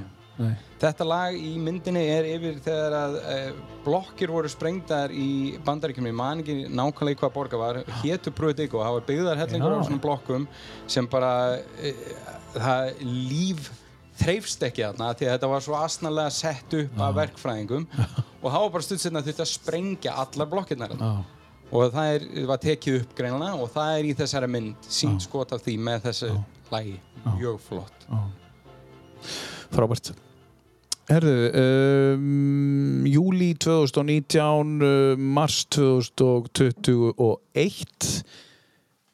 uh, hvernig þið leið þá versus hvernig þið líði núna getur þú sett það í einhver orð Já, hvernig mér líður núna? Mér líður bara, mér líður bara æðislega, sko. Já. Það er, það er svo, það er svo ótrúlegt hvað uh, margir hluti sem að bjóst aldrei við að myndi koma aftur og maður bara hreinlega búin að gleyma. Bara eins og það að, að, að tilfinningin að vilja hlaupa Já. skrítið veist, ég er að vinna í vinnunni og sko þegar maður var orðin 200 kíló þá bara s- rétt silaðist maður áfram og mm. pældi ekkert meir í það en núna þá, þú veist, maður er að vinna og svona, vá, hvað er tilfengið þetta? Mér langar eiginlega, minnst ég fari aðeins og hægt skokka, nei, heyrðu, ég ætla að taka bara sprettin Já. og bara geta hlaupið. Það er eitthvað sem ég geta gert sko, frá því ég var unglingur eða eitthvað. Það er alveg rosalegt. Það lítur að vera frelsi. Er, er, er, tengist það frelsi? Algjörlega, það er, alveg, það er ótrúlegt. Að, Það og, aðna, og ég tala nú ekki um að þau eru ekki lengur að fara í sér uh, verslani til að kaupa sér föt. Og núna get ég ekki keipt með föt í litum af því að ég veit ekki á hverju en hver svo sem ákvað hvernig föt fyrir feikt fólk að þetta líti út ákvað að þau ættu öll að vera litlaus. Já. Það er aldrei, ég get aldrei keipt mér einhver svona flott föt. Það var alltaf eitthvað bara stregapóki sem var saumaði saman. Já, bara svart og dökkur átt og, Já. já, kannski henni maður sjáist síst eða ég veit það ekki. Það er góð pæling þetta sem þú ert að segja núna. Af hverju, af hverju þegar þú ferð inn í heilu búðin og, og, og línan er bara svona á litinn? Já, nákvæmlega. Þú veist, það er, það er, það er stór undarlegt Það er nefnilega sko, sérstaklega er maður að ferja inn í búður og sér að, maður sér já, eigi þetta í þessi stað. Nei, nei, nei, nei, nei. Þetta er það sem við höfum í þinni stað. Þetta ljóta það Þetta er ljót Já, við lögum enga, við lögum enga metnaði að hemma hanna þetta. Nei, nákvæmlega. Þetta er, þetta er alveg umræði út af fyrir sig sko. Af því að þú hefur verið þarna og alveg lent í þessu og vilja fá þú veist, og, og, og þetta lítur að vera bara, bara stórkost, þetta geta bara að vesla sig bara. Föt sem mann finnst hægilegt að vera í og lítur Já. vel út í skilur er algjörlega Ég er aðendun í hann reglulega. Það er bara sko, eh, bara núna fyrir þetta viðtal þá aðna, var ég að velja með skýrtu og hún var orðin of stór þessi sem ég ætlaði í. Já, það Uh, það er bara gott. Er þetta ennþá að gerast rætt? Eh, Já, í rauninni hægar en í upphafi en þetta Já, er ennþá gott. í gangi skilur, þannig að ég er með hverju mánuðinum er ég að færa mig færa mig ne- eitt beltis hík, beltis skatt Já, já, þetta gerist ennþá. Já þetta er, er frábært að heyra. Þannig, að- og maður veit eiginlega ekkert hvernig það endar. Nei, í rauninni ekki. Bara, það er að skemmtilega við þetta. Já. en þú virðist vera bara alveg in control of eins og maður segir bara góðri, góðri ensku in control of shit. Ja, ég, þegar kemur þessu Já. að lífinu minni overall alls ekki. Nei. Eh, ég meina það að ég sé búin að vinna við sorpyrðu í 20 ára ætti að segja eitthvað til um það. Já. en aðna, með þetta já, alveg 100% control en þú ert þú ert þar, þú vilt vera þar í sorpurinni. Vill vera þar og vill ekki vera þar. Ert þar. Eða er þar og er bara sáttu með að fá góð laun og er búinn snemma. Ég held að það sé næra lagi. Þú segir þessi akkord. Já, ég meina, ert ekki, ert ekki fann að hætta fyrir núna? Uh, já ég, þú gerir? uh, þú getur fyrir að hlaupa Já, það reyndar hjálpa til að geta hlaupið og vera, maður verður búinn fyrir það er gott en ekki, það ert ekki þú sem ert að slega niður og draga tíma niður á strákana nú ertu fann að reka strákana hei, strákana áfram. Að núna erum við bara allir á í öfnum já. þeir voru náttúrulega tildulega snöggir þegar ég var hérna bara rúlandi á eftir þeim skilur já, já, en núna er þetta orðið já. En það hlýtur að vera þægilegt að vinna ef þú ert duglegur að vinna og vinnur rætt að vinna svona vinnu, hvaða vinna sem það er? Algjörlega. Að, að geta bara unni rætt og hætt. Algjörlega, ég held að margar, margar vinnur myndu uh, íslenskan er dóttir námið benefita Já, græða að græða á því að hafa, já. hafa svona við, setja Já. bara, herðu, þú bara klára þetta verkefni Já. á þetta farin Já. í staðin fyrir, þú er að vinna frá þessum tíma til þessum tíma og þá, þá byrjar fólk bara að slugsa að ég nenni þess ekki, ég fer í langan kaffitíma ég fer í langan. Vist, ég vil freka bara slepp með öllum kaffitímum klárum þetta bara, Mhm. förum heim og þá getur gert það sem ég vil með restina af deginn Það er eins og að hafi bara ekki orðin neinn svona, hvað maður að segja, svona uh, breyting með tilkomi internetsins og e-maila og SMS-a og, sí, og gemsa og svoleiðis, það sem þetta náum hann út, út um allt, sko. Að, að, að þú veist, auðvitað hefur þetta hraðað á öllu, þú veist, en við hefum samt hægt á þessu með því að þú átt að vera hérna frá 8 til 4 þó þú sért með þessi tæki í höndunum Já, já. þá ertu samt að vinna hægt. Einmitt, af því þú þarft bara ekki að vinna það einmitt, nákvæmlega. Af því ég fer ekkert fyrir klukkan 4 Nei, en hún vinnur bara eins rætt og þartir henni ég þarf að senda tvo e-maila, ég ætla að gera það millir 2 og 4 Það skilur því ég senda eitt klukkan 2 svo ætla ég að fá mér kaffi og fá mér eina e- ef að fólk fæði sér eina síkó fara út, ekki það, að ég geri það en svona, e, svo ætla ég bara spjalla hans í strákana og svo ætla ég að senda e-mailin aftur svona um þrjúleitið þá hef ég eitthvað að gera til fjögur. Einmitt, frekar en bara senda tvo e-maila, ég fara eins 20 mítur nákvæmlega Þá er hægt að ná í með það er eitthvað vandamál. Getur þetta verið ástæðin fyrir að þú sért ennþá að vinna þannig? Ný, ég held að það sé meira að ég bara óttalega hættu við alltaf verið hættu við að fá neitun í öllu sem ég geri og þess vegna hef ég ekki reynt fyrir mér í því sem ég langar að gera eins og leiklist eða einhverju húst ég hef alltaf bara ég frekar að ég hef alltaf verið svona eins og þarna pappans Marty McFly úr Back to the Future sem sagði að hvað ef hún myndi nú segja nei við mig? Ég held að ég get ekki þóla svoleiðis neitun ég hugsa svoleiðis með þetta að ég, frekar að reyni, að reyni aldrei að gera neitt eins og þetta fyrir mér í leiklist og þá getur enginn sagt neitt, þá getur fólk sagt hei, hann hefði kannski verið góður heldur hún að reyna eitthvað? Og síðan bara, oh shit, hann er ekki af góður og hann held að hann væri maður. En Hallur, nú ætlum ég bara spyrja þig beint út. Uh, heldur að þetta sem þú er búin að gera núna síðan næstu, næstu í tvö ár, heldur að þetta eftir að hjálpa þér og, í, eða svona íta undir þú og fyrir að gera kannski það sem ég langar að gera sem ég heyri að mögulega leiklist? Já, mögulega. Að því að opnast, opnast ekki einhvern veginn hau- hausinn svona tækifæri og möguleikar Já, mögulega. með þessu? Eh, þessi hugafarsbreyting hafa einhverju jákvæð áhrif meiri en það, bara þetta. Vonandi, ég vona það allan að taka af sér hvað, hva, helming? Helming, já, helming af því sem þú varst já, þú veist, er það ekki bara eins og nú eins og ég segi, ég var að tala við þeim, ég er búin að vera vinnandi í 30 ára og fólk er að koma, ég þarf að ná þessum 10 kíló af mér það bara næri ekki 10 kíló af sér. Það er þetta búin að taka 10 sinni það. já, það þetta er náttúrulega stórkostlegur árangur. Maður verður að segja til hamingju með það og, já, og, fyrir. og þú, ég meina þetta er uh, mér langar að spyrja lífstíðsbreytingin hvenar, hvenar kemur hún? Nú er talað um 21 day challenge eitthvað, þú veist, eitthvað að, að, að, að heilin hætti eftir 21 dag. Þú veist tekur, tekur þetta ekki lengri tíma? Og veistu, hvenar var þetta bara svona að þetta er bara komið, ég bara þarf ekki áhugis manstu hvenar það var?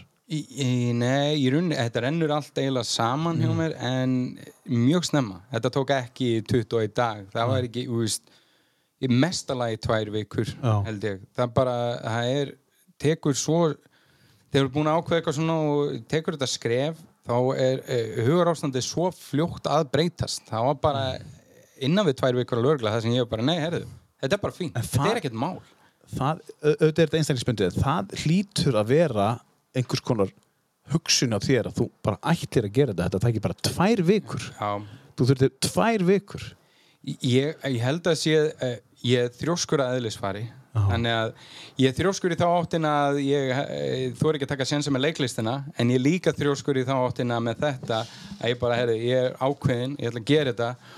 Og þá einhvern veginn bara þá uh, stóldurinn eitt annað til bóða en það bara er sant, ég veit ekki það var mjög stuttu tími þangað til þetta var orðið bara eins og nýja normið. Maður tók ekki eftir þessu lengur. Það var bara sjálfsögða lautur finnst þér óþægilegt að láta skora á þig viniðinir eða eitthvað slessi, að fá áskoranir Nei, nei, nei, nei, það ég ætla að skora á þig eftir. Ég, hérna, tökum eitt lag. Ég- og þú ætlar að fá eina áskorun á mér. Ok. frá mér.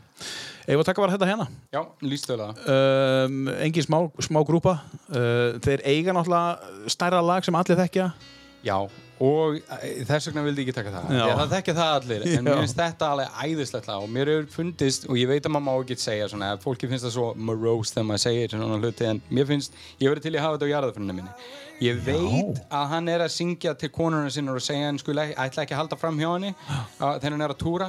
En mér finnst þegar hann segir skuru uh, forever, eða hvernig segja hann I'll be yours eða eitthvað uh, faithfully, ég maður ekki. Þá finnst mér að líka geta hljóma skuru þó ég sé döður, þá verði ég með ykkur alltaf ég skil. Einhvern veginn hugsaði það. Þú tólkar þetta þannig, textan Já. er þetta ekki bara eftir hvernig maður tólkar þetta sjálfur? Algjörlega. Já, þetta er hljóstinn Journey af plötunni þeirra, já, stóru plötunni þeirra Frontiers og lagi heitir Faithfully.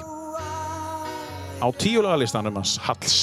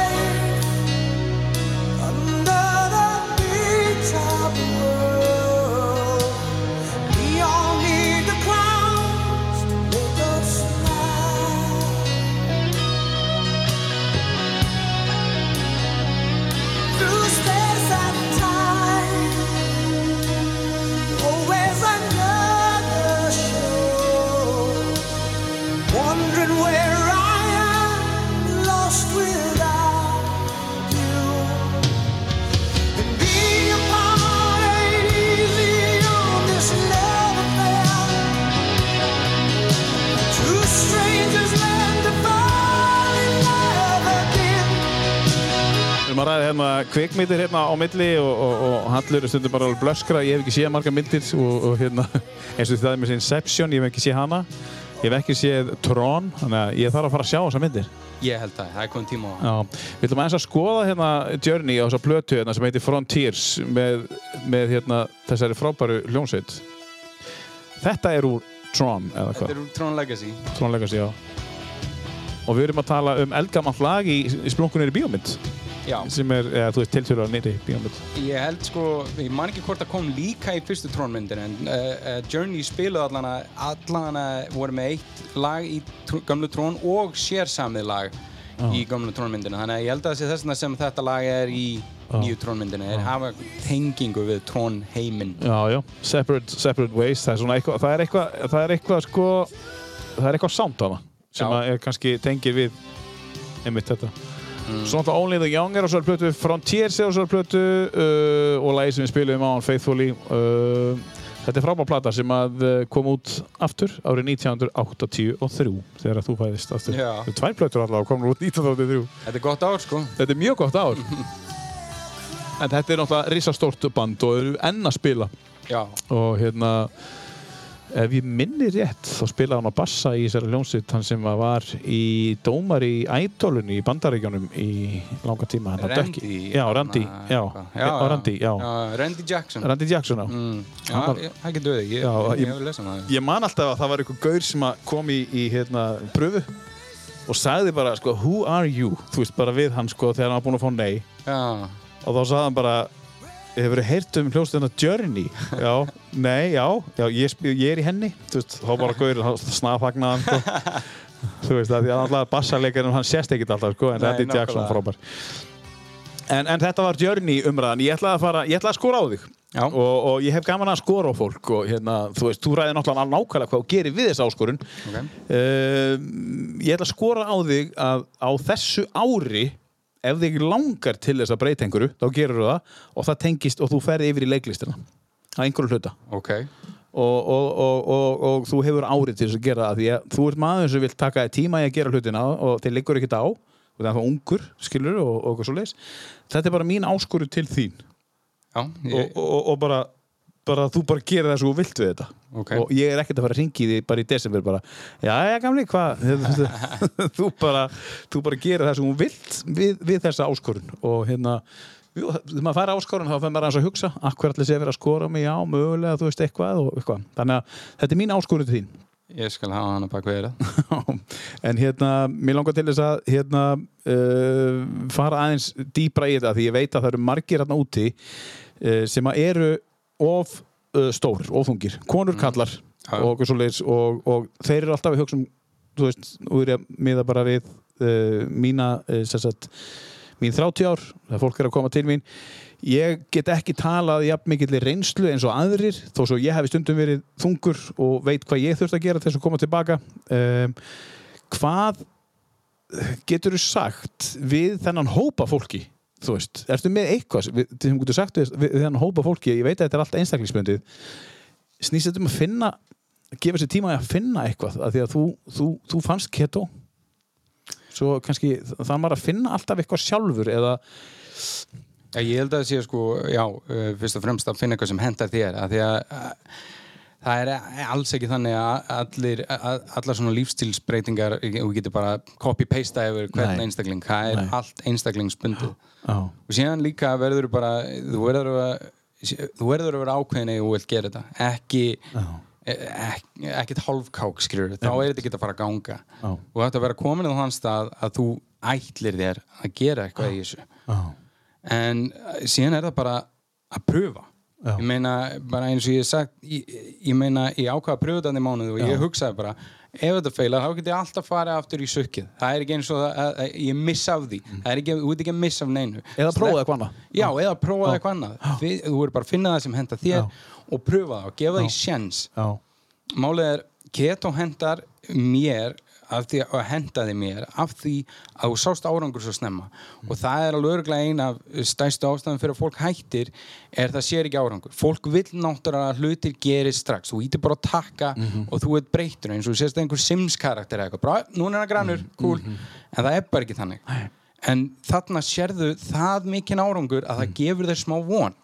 Og þess vegna, eða þess vegna virkaði það fyrir mig að ég sé þennan árangur og þá heldur maður áfram með það Um, verður maður ekki að sjá hann árangur svolítið hratt til þess að enna halda áfram það er nefnilega tölvöld þannig það fyrir eftir fólki hvort þú sért nógu þólinnmóður að þú, að þú, að þú getir gefið þessu lengri séns en Já. flestir eru það ekki og vilja sjá árangur sem fyrst Já. og þess vegna er, er virka keto fyrir mig mynd, sko. Mhm. ég ætla ekki að segja að það sé fyrir alla Myndur þú segja að í þínu tilfelli að þessi mánuður sem þú gafst þér að það hefði verið í þínu tilfelli góðu tími. Það var nógu tími fyrir mig til að sjá að þetta, að, að þetta væri að virka. Já. og þú veist þá ég var komin með það mikið árangur á þeim tíma. Meiri árangur he- en ég hef, hafði nokkuð tíðan fengið að öllum öðrum þessum kúrum og ruggli sem ég hafði pröfað áður. Og þú varst búin að prófa fullt áður? Já, já, já, ég var búin að pröfa fullt sko. Já. Allskins Já. en þarna færðu að borða basically kjött sem er fyrst ógst að gott Já, að borða. já. Og bara Sáttu með það. Já, svo áttum við að frekar hann að tökum út kjötið, tökum þetta út, tökum út þetta, tökum út þetta, endalist og svo allt í Einmitt. sittur uppi bara með græmmiti fyrir fram að þig og bara, nákvæmlega. er ég að fara að gera þetta, þú veist? Ja, það er nefnilega líka málið. Þú verður, sko, þú verður að uh, finna jafnvægi á milli þess. Þú ert að uh, minka við þig eitthvað, þú ert að taka eitthvað út sem þið finnst gott að borða, það er þannig. En ekki þannig að sko lífið þitt verði leiðinlegt. Emmitt. Þá á þetta aldrei eftir að endast. Það sko, þú verður að hafa, finna balansan á milli þannig að lífið sé ennþá þess, uh, þú njóti lífsins. Já. þó sérst að taka út einstakar hluti sem þú mátt ekki borða ef það er orðið þannig að þú bara þið, þið, þið kvíður fyrir að borða kvöldmann þá er þetta ekki að fara að endast Nei, akkurat. Og það er kannski ágætt þá eins og þú ert að segja að, að hver einstaklingur finni já, sitt kerfi til þess að fylgja, þú fylgir þessu kerfi. Já. og, vegna þess að það hendaði þér að inn í þessu kerfi er þetta það sem er finnst gott. Og ég er ekki að fórna reitt sérstaklega miklu sem er finnst Nei, gott. Þannig- og þá kannski finnir einhver annar eitthvað annar sem að kannski borra ekki kjött nákvæmlega. Þá bara, herru, ég get auðvitað fórna kjötti og þá þetta kannski hendar Einmitt. mér þú veist, að því að að, að, að reyna að setja kerfin sem að eru í bóði inn í eins og þú ert í dag til þess að breytingin sé ekki allt og mikil búa til í rauninni nýtt kerfi sem henda þér Já. og nota, ön, eh, nota hann grunn sem viðmið í rauninni að, þú, veist, ekki, þú veist ekki bara svona kerfi ég ætla að gera þetta svona að því ég, ég er ekki keto expert Nei. og ég, sko þeir sem eru sko, full on í þessu þeir eru að tala um sko makronutrients veist hérna, hvað er ég búin mikið af prótínu versus fytu versus Kolvetni. og allt Já. þetta og ég ætla að hafa svona mikið á daginn ég geri ekki það ég, ég held að það sem ég er að gera, er að gera sé kallað eh, dirty keto eða eitthvað þannig að því að ég bara, bara hef kolvetnin undir 20 grömmum annars borða ég bara tiltölulega eðlilega. Og það er að virka fyrir mig. En einhver annar getur ger, þú veist, þú veist bara taka þetta og búa til eitthvað sem þér finnst gott. Þetta er bara bókstæðlega eins og Stanley Kubrick gerði við Shining bókina, tekur eitthvað það sem er alveg ágætt og býr til þetta meistarverk sem Shining bíómyndin er. Jafnveg þó að Stephen King sé ekki samanlega Já, það er svoleiðis. Já, hann Þetta veist þú eitthvað sem ég veit ekki hann hatar bíómyndina sem Í- Stanley í Kubrick gerði. alvörunni? Já, hann hatar hana Já, það er þetta Mér vissi finnst hún betur en bókin ég. Já, einmitt En þannig þetta að tala um að þú setja í samhengi þetta, akkurat þetta Taktu bara eitthvað og búðu til þína einn útgáfi það Mhm. sem hendar þér Svo eru aðri sem að kannski vilja fara eins og ég sé í makronutrients og, og, og vilja vera með sín 60 grömm af, af, af sko kolvetni eða, eða 240 grömm af kolvetni á dag eða hvað það er. Eh, 50%, 50 eða 40%, 40%, eh, 10% svita Nákvæmlega. uh, og það virka kannski fyrir suma. A- Algjörlega. En ætti maður þá að prófa að gera bæði og gefa þessi tími í þetta, prófaði mánuð þarna, prófaði mánuð þarna og sjáðu bara hvort hendar þér. Ja, já, af því að það er, á, það er ávinningur á báðum. Já, já, já, nákvæmlega. Og, og, og svo bara, herri, já, þetta er eitthvað sem hendar mér sko. Ég bara pröfa áfram þangar til og finnur það sem hendar þér. Já. og þú varst heppin að finna það í fyrsta. Já, mjög heppin. Herri, þetta er eðislega gaman. Um, næst ætlum við að fara í hljómsveit sem er búin að halda tónleika á lögadagsöll lögadagsvelli var það Fórst þú á þessu tónleika? Nei. Já, mér fannst það sérst- eh, s- Nei. Ok, ég elska Guns N' Roses Já. og ég, ég hlustaði á þá sko, eins og maður slettir religiously, ég hlustaði Já. gífulega mikið á Já. þá, dýrka á en sko, Axl er bara ekki Axl lengur Nei. Axl var bara þarna jarmandi eins og einhver geit Já. og allir, það voru geð margir sem voru pissfull og bara, þetta er best tónleikar í heimi og ég bara, hvað, er þið ekki að sjá saman hlut og ég? Já, Þú lefur ekki döff að syngja þetta frekar maður Já. þetta, ég mm, Já, mér var hann ekki með þetta? Nei, mér fannst það ekki. Ég held líka sko, kannski er það bara liðsfélagarnir eru of hrætti við að segja eitthvað við hann að því að hann á það til að strunns út og fara í fílu við minnstaði rugl. Þannig að þeir bara svona, leifum honum bara að syngja svona. Við. Það geta komið sko Það er margt að skína hérna í gegn Þetta eru kröfunar sem hann setur á upp á sljónsettina sína kannski mögulega kröfunar sem hann sett á sig líka í byrjun þegar hann náði þessum árangur Þetta er, þetta, þetta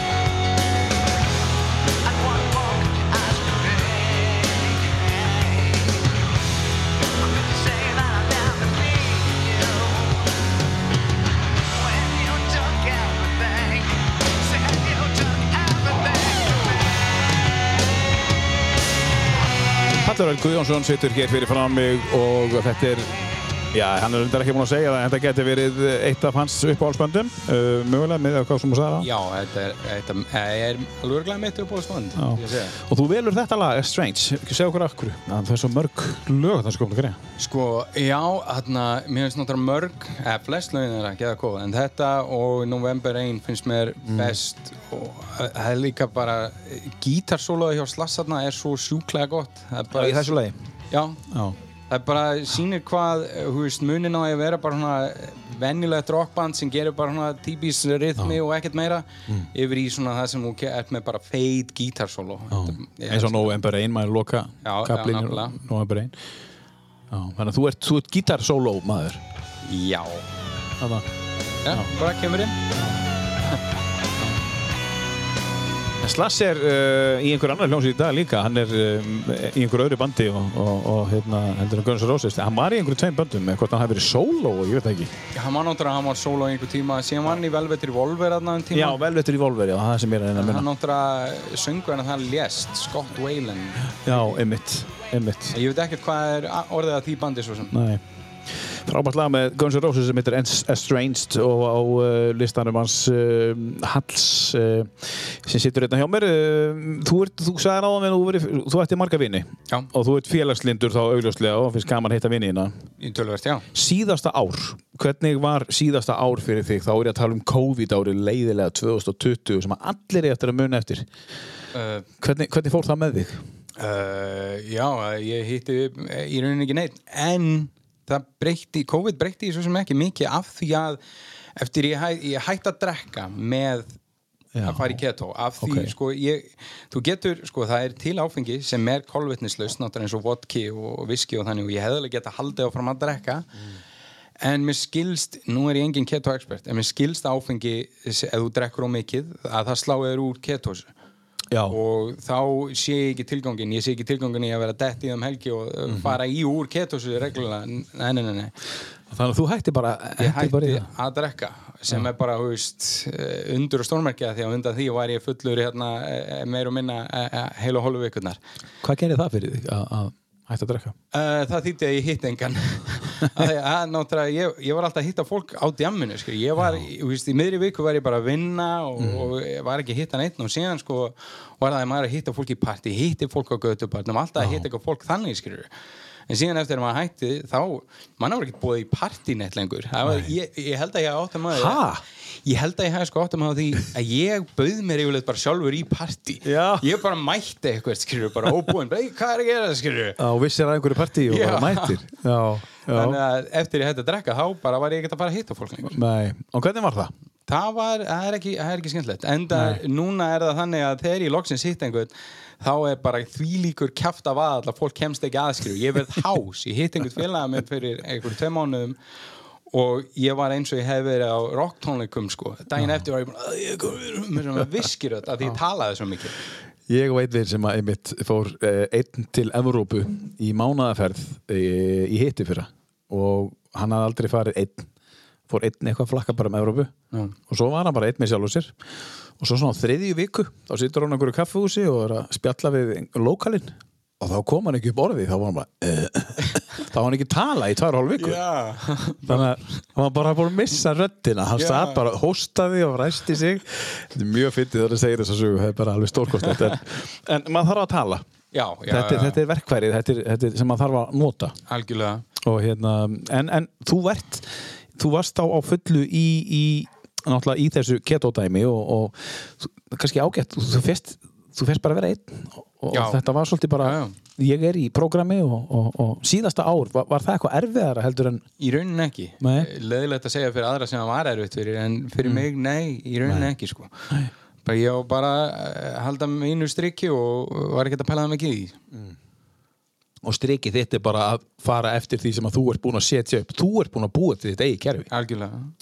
leifur fólki að hafa samband við þig eða þau eru áhuga eh, sem að er uh, mögulega væri til í fór ágjöf Já, já, já, ég, aðna, eftir að koma hann að viðtala með mig í, á DFF eða eitthvað, þá, aðna, er allan að þrýr búin að hafa samband sem ég svaraði. Já. En ég tek að sann skýrt fram að ég, þú veist, ég lýsi fyrir þeim típiskum degi á mér, hvað ég borða og, og hvað ég hef gert, en ég er ekki að segja þeim hvað þau eiga að gera. Nei. Þau verða að finna það fyrir sig, þau með að sjá það sem ég geri, ef það gefur þeim einhver viðmið, það er fínt.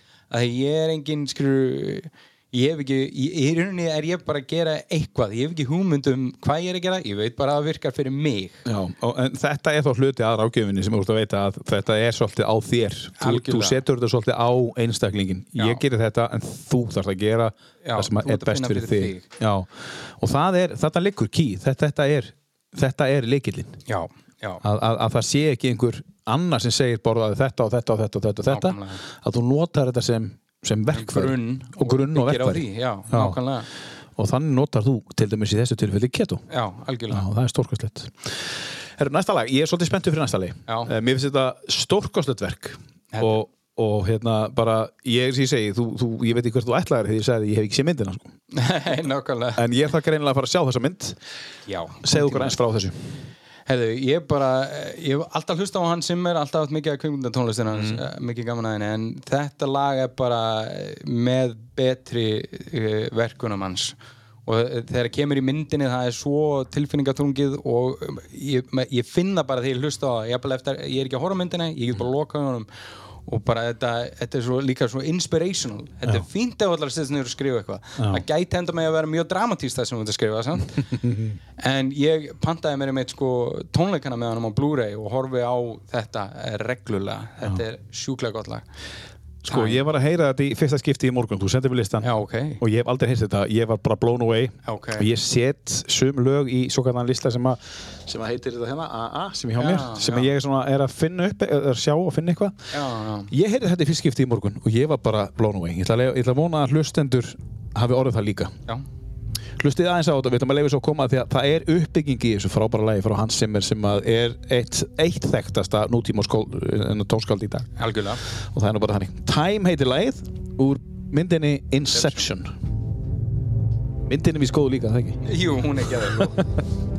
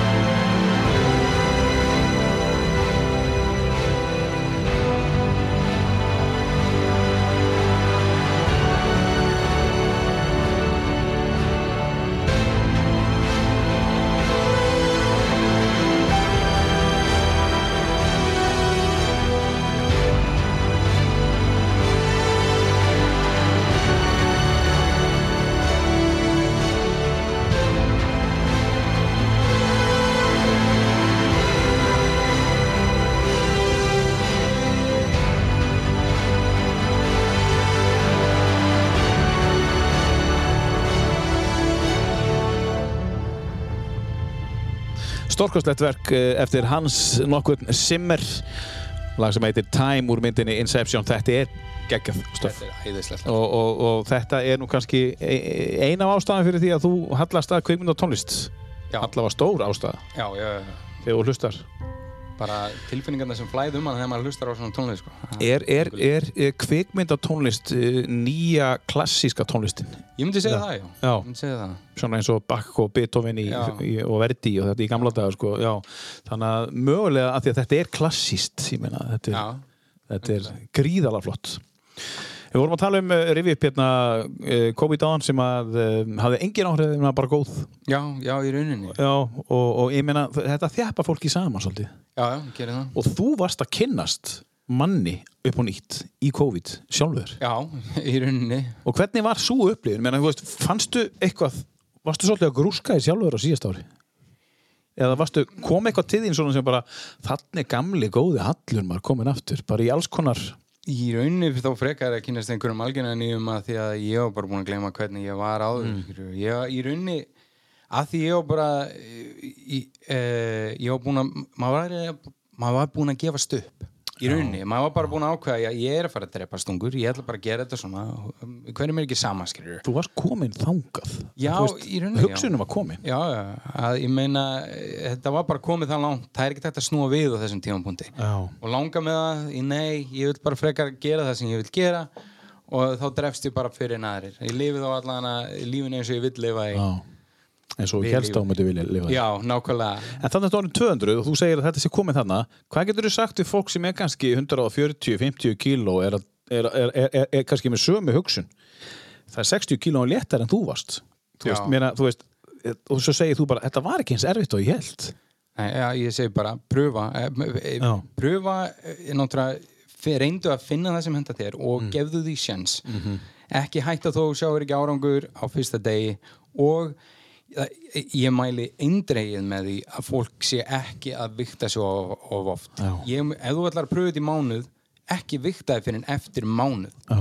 ekki vikta þið daglega Nei. helst ekki einu sinni eiga fokkin vikt ég, ég, ég stöð aldrei á viktina nema bara því ég beðin um það því að aðrir vildu vita hversu vel gengi fyrir mig var. Já. það bara árangurinn sem ég finn finn á mér í mér Já. það var nóg Já. en hitt, það er svo að, það bara setur upp fyrir uh, feiljur skilur Mhm. að vera vikta í daglega og bara, wow, ég léttist ekki um eitt gram í dag eða eitthvað. Bara, veist, þetta er svo þetta er svo misjant frá degi til dag skilur, þú getur ekki ætlast til að Þú getur hugsað þér sko að viktin sé uh, einstaklingur sem að er að segja þér hvernig þeir eigi að líða. Já, nákvæmlega. Og bara, þú veist, þú stígur þeir líður gríðarlega vel eftir mánuðin eða eftir tvær vikur, bara, vá, mér líður svo vel. Svo stígur og viktin segir bara nei, þeir eru á að líða illa í dag. Já, og nákvæmlega þá er einhver einstaklingur eða vikt í þessu tilfelli eh, og sem segir það. Þannig, basically, ef að stíga viktina er það að leifa þeim einstaklingi að segja við þig þér skal líða illa í dag. Nákvæmlega. en þú og hvernig, hvernig líti út? Og leifa honum bara að segja, "Nei, þú lítur ömulega út. Og þú myndir aldrei gera það. Nákvæmlega. Þetta er bara spurning af hverju þetta leifa uh, vikulega uh, daglega Já, eins og margir sumir, gera sumir. að, að, þessum einstakling eða þú bara karakter gerir hennar, hennar viktina bara, bara þú, þú myndir aldrei gera það. Nei, þannig að það er ágætt að spyrja sig af hverju er ég að gera þetta? Nákvæmlega. Uh, nota þetta sem einhvers konar uh, uh, verkværi til þess að tjekka á sig reglulega uh, bara til að sjá hvort þú sért að gera hvort eitthvað sem gerast upp á forvitni að gera. Já, en ekki til þess staðfestu að sjá er ég að gera eitthvað rétt? Því að maður, þegar maður er búin að breyta öllu eins og þú sagðir að tæki tvær vikur þá veistu að þú að gera allt rétt. Algjörlega. Þú veist alveg að þú að gera allt rétt. En svo er eitthvað bara lítil sko, eitthvað, bara 30, sinni, 30 cm sem segir bara þú ert að gera allt vittlust og það lítur að vera hryllingur að fara eftir því alltaf sko. Já, ég geti trúið því legðu viktinni allur, er það ekki? Svona, Jú, ég- og nota hana öðruvísi Já, já. gerir já, já. ég myndi segja það ég allan að sko ég, mér finnst nóg bara hvernig mér líður það er árangurinn sem ég, ég þarf skilur Mhm. ég þarf ekkert fyrir mig eh, viktin skiptir ekki það miklu máli sko. þú viktar að hálsásfresti hálsásfresti, já þannig að þú basically hefði getað stíð á vikt hendinni og kefti nýja eftir hálft ár. Stíð á hana, hendinni og kefti nýja. Nokkurn veginn, já, Já, það er bara þannig. Herðu, við erum uh, með lag eftir uh, hérna Valgeir uh, er ekki Valgeir Guðjónsson sem að semur þetta lag? Um, á listanauðinum e, tvö íslensk lög á listanum. Um, þetta er annað þeirra. Uh, nei, nei Egil Ólafsson, Jakob Fríman Magnússon og Þóruður Átnarsson samið að ég heyrði einhvern tíman um Valgeir Guðjónsson eftir að hann hætti í stuðmönum já, ok, ég vissi það Veist þú eitthvað um það? nei, ég ekki Nei. En segðu okkur hérna aðeins með þetta lag af hverju þetta lag, hvenær sækjur þetta lag? Hvað er, hvað stemming veistu þá? Uh, sko þetta er fyrir mér sumar og, og útiháttíð þegar ég var krakki áður en ég vissi að útiháttíð snýrist mikið um djam og djús bara þegar að fá eh, skemmtilegt og fjölskyldan saman og Já. úti og tónlist úti ég sé alltaf fyrir mig stuðmenn einhvern veginn upp á sviði einhvers staðar Mhm. að syngja þetta lag Og þá kom þetta lag bara til þín. já algjörlega, þetta, þetta er bara þannig Og þetta er svona þegar sólinn er að koma og rísa þá. já, já, þetta er vestló fyrir mér skilurðu. Þetta er Vestló, þetta er Halló Akureyri. já, þetta er Halló Akureyri Heyrim að þessi stummurum, þetta er frábært lag af uh, blötunni Hver glöður og sæla, óbúslega frægur. Já,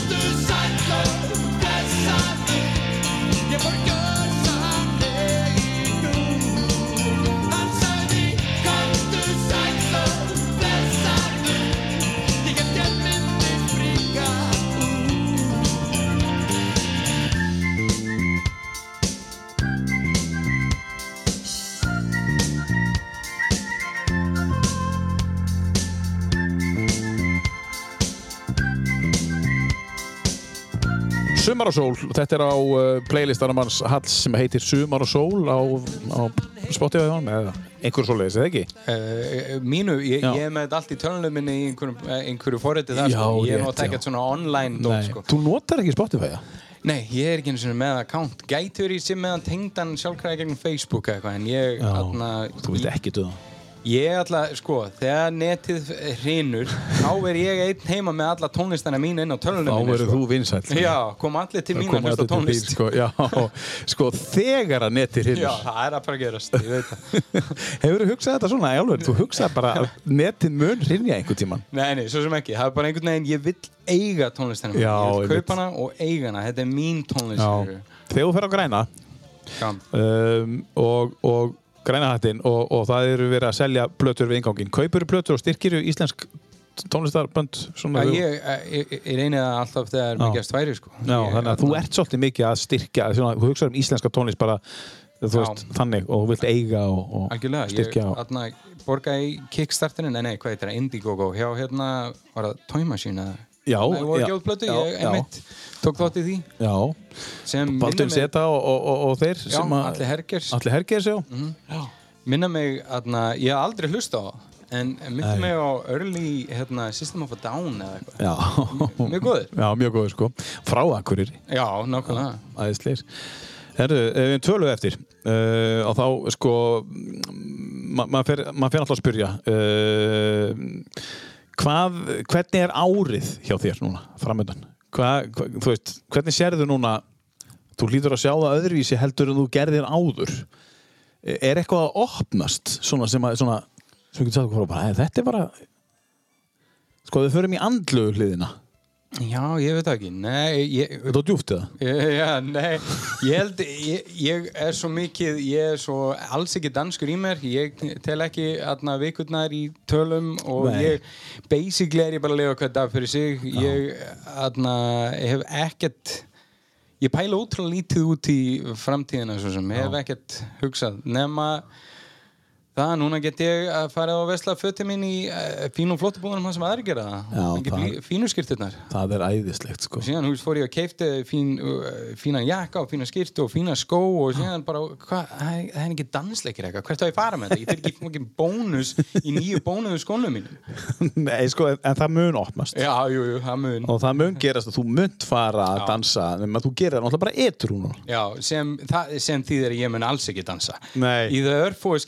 að dansa. Þá var ég alveg örgulega ofurölvi. Já. Og í þessum leikjutum sem ég hef verið í það sem ég þurfti að dansa, er alveg, ég held að það er stærra sem er jafnvel meira heldur en að Söngurinn, syngja. já. Og ég man að, að, að mér minnir að einhver leikstjóri hafi sagt um mig að ég hefði ekkert spatial awareness af því að ég var bara hróðalögur ég átti að vera í upphafsatriða sem allir voru að dansa í leikritinu og endan kom bara leikstjórn herðu, být þú bara þarna fyrir utan sviðið, þannig til allir búin að dansa síðan getur þú komið inn. Jep, jep, jep. Og ég tók því ekkert, ég var ekkert móðgæður ég veit hverju mínir styrkleikar eru og hvar þeir eru ekki og þeir eru ekki í dansi. Nei, ok. En segðu mér aðeins, uh, segðu okkur aðeins frá leiklistaferlinninum hver hann er, ef hann er einhver, hva, hvað ertu búin að vera að gera? Sko, ég atna, er bara búinn að vera í áhuga leikursi töluvert, var hérna inn í freyungsleikursi í einhver tíma og hef verið með þeim og síðan Pétur Guðjónsson sett upp einhver tvö leikrit inn í sjálfanum sem ég var í. Þannig að þetta er bara veist, þessi áhuga leikur sem ég hef verið að taka þátt í sko. og bara, sko eh, það var annað spark frá mömmu sem fekk mig út í það því að það var áhörnapröfu fyrir Vínland í freyungsleikursi og Ég veit ekki hvort það segi of mikið um hvernig ég var þegar að koma að drikju eða hvað, en það var allan að ég held hún að bóði mér kassa bjór fyrir að fara í áhörnapröfunar, ég hefði engan áhuga á því. Ég bara, bjór, ah, sure, ok, já. gerði það. Sjálfsögðu. Hvað gerir maður ekki fyrir einn kassa bjór? Nákvæmlega. Og hefði, ég mætti þarna og fæ hlutverk og sem ég bjóst enga með við og eh, síðan bara var ég ástofngin að þessu. Bara, ég bjóst alls ekki við því að mér fannst alltaf svona þessi leikúsleiklist vera svo kjánalega þegar hún er svo tilgerðlega að því að að þú verður alltaf út í sal alveg saman þú setja að tala með eitthvað sem við hliðina á þér, þú verður alltaf að tala ekki að hátt. Þannig að allt verður svona þetta sé svona barnaleikett sjáu þið hann krakkar? Veist svona. Já, já. en síðan þegar maður er þarna upp á sviðið að leika þá er þetta bara uh, maður nærist það þessu. Og sko þegar ég þegar, þegar ég fæ fólk til að hlæja út í sal og það er engin tilfinning betur en það En af hverju festu þetta hlutverk, veistu það? Uh, ég, nei, ég veit ekki ég, ég vona það að vera einhver hæfileikar sem leynast? Gæti verið, gæti verið Hvað varstu gamall þetta var? Er þetta mörg á síðan? Uh, Já, ég man ekki það er kannski tíu ár síðan Hefur ekkert verið að næra leiklistina síðan? Í rauninni ekki, sko. Já, ég var þarna eitthvað eitt ári viðbót þannig í frengjóðsleikus og síðan tók ég tvö leikrit með Pétri Guðjóns og, og nei, síðan hef ég ekkert gert þetta sko. Ekkert, En- en ekkert er- er... sækist eftir í, ekkert sóst eftir í, þá með langjala E e hefur það eitthvað þú veist uh, uh, poppa meira upp síðustu tvö árin? Að bara, herri, nú langar mig að uh, rifja þetta upp aftur. Um, eitthvað meira en venjulega? Nei, í rauninni ekki, ég verið að, þú veist, ég, hef alltaf verið að hugsa það, skilur, en þarna, mér, mér er alltaf langað til þess að gera það þá að fara í leiklistaskóla eða gera eitthvað að alvöru Já. en ekki því að það- ég, ég sko e, ég, ég, mér finnst vinna mín mm, ekki það, ég vil ekki vera leðilegu fyrir þetta ekki sem vinn hjá, en mér finnst vinna mín ekkert sjálflega skemmtileg. Nei, nei. ég myndi miklu frekar vilja vinna við að leika en ekki vera að vinna vinnuna mína og þurfa síðan að fara á æfingar hei, áhuga leikusi langt fram eftir nóttu Mhm. til að vakna síðan aftur í vinnuna mína daginn eftir. Þannig að ég, ég hef engan sérstakann áhuga að vera í áhuga leikusi en ef ég geti unnið við það þá er það náttúrulega draumur í dós. Ertu búin að skrá þig í leiklistanámskeið fyrir fullunda hérna á Akureyri? Nei, ég var að sjá þessu auðlýsingu um þetta á hann Já, Nei, ég er ekki búin að því. Og byrjar á mándaginn Já, Það er laus pláss, já, þannig að þú veist að því. Ég, ég veit það er núna, já. Herðu, hendum okkur í næst síðasta leið uh, Þetta er Akureyst. Þetta er svo sannlega akkurist Já, og um, 80s líka. Já, einmitt, það er, ég er mikill 80s maður. Já, og, og það er alveg, alveg ljóst sko. Mér, eh, þetta lag eh, stendur upp úr fyrir mér af því að mér finnst að ef það hefði einhvern tíðan verið gerð íslensk neverending story Já. þá hefði þetta verið stefið í þeirri mér Rétt. Þetta er svo ævintýralegt eitthvað. Já. Ég elska þetta lag, Þetta er ævintýra gott, ævintýrilega gott lag hjá honum Karli Örvarsinni algjörlega. Og þetta var hann að gera milli 80 og 90 Já, þannig að það er talentar í, í þessari fjölskyldu og hjá honum maður. Þetta er, uh, svo var hann ljónsveitinu Hunang. Já, ég vissi það ekki. Karli Örvarsson. Já, ok. Og er grafiskur hannur og mjög fyndin í dag og einn besta eftirhemma á honum uh, Kára Stefánsinni sem að Já, já, ég vissi það, já, hann er algjör Já. snillingur með það maður. Hér heyrum við í Karli Örvarsinni og 1700 vinstig af eldfuglin platar sem að uh, hann sóttist eftir að reyna að fá vínil fyrir einhverjum uh, árun síðan var ekki gefin út á vínil þessi plata Nei, skilst ekki en um, hann er með þig í símanum ef að, ef að plata verður einhvern tíðan gefin út á Já. vínil Indiegogo eða eitthvað, ég Já. er til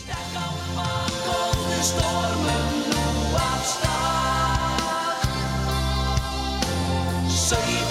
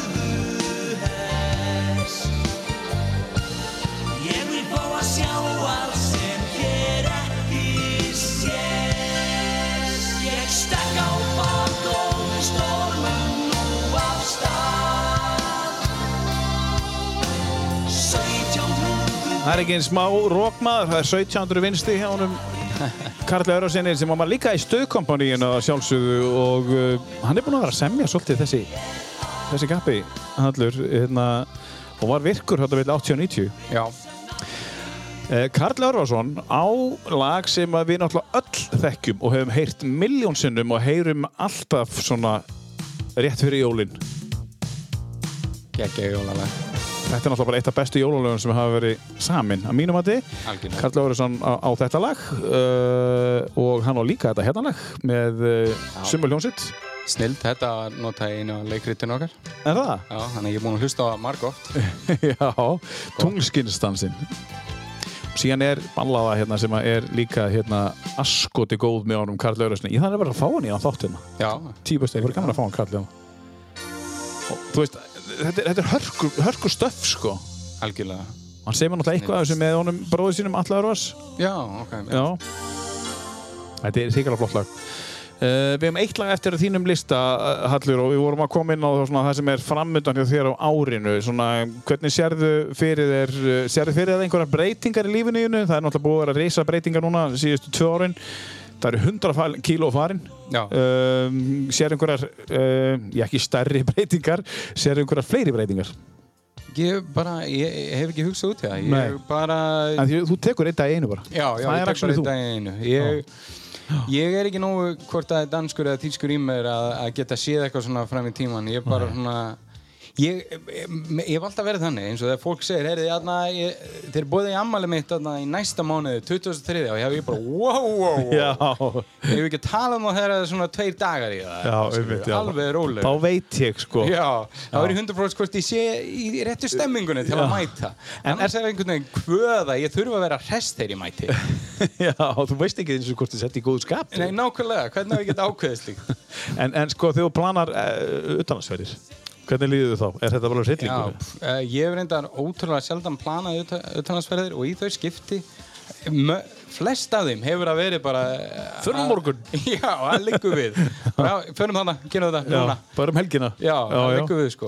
Þú vilt ekkert plana alltaf mikið? Nei, ég er ekki mikið fyrir að plana sko. Ég vil bara eh, sjá hvert lífið leiði mig. Og rosalega held ég að það hafi hjálpað þér í öllu þínu að taka bara einn dag í einu. Bara Já. í öllu þessu lífstísbreytingu bara, tek bara einn dag í einu. Já, það algjörlega. Er bara einn dag í einu, það hlýtur að hjálpa. Já, algjörlega, það er náttúrulega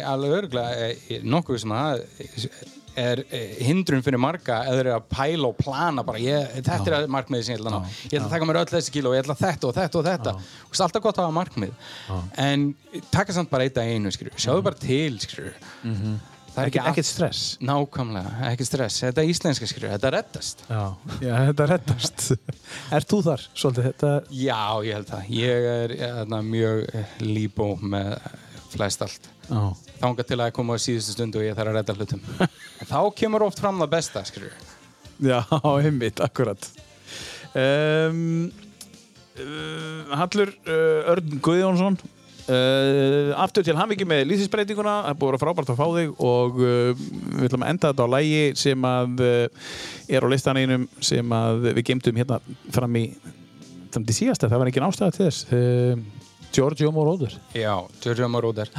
Mér, sko, ég selði ekki dýran í kefta en ég, mér skilst á sín tíma að hann verið svona hálfgerður rettari fyrir allskins tónlist að það var hérna, þeir voru að gera Berlin og þeir voru að gera lægið fyrir Top Gun Berlin með Take My Breath Away og það var einhvern veginn ekki alveg nógu gott og þá er það sendt til Giorgio Moroder til að fykta í og gera það að Já, hittara, já. skilur við minnir að það verið einhvern veginn þannig sko. Já, já, já, já. Við. Þarna- Já, ég voru að horfa á einhverja hollenska þætti sem fjallum allskins uppruna tónlista.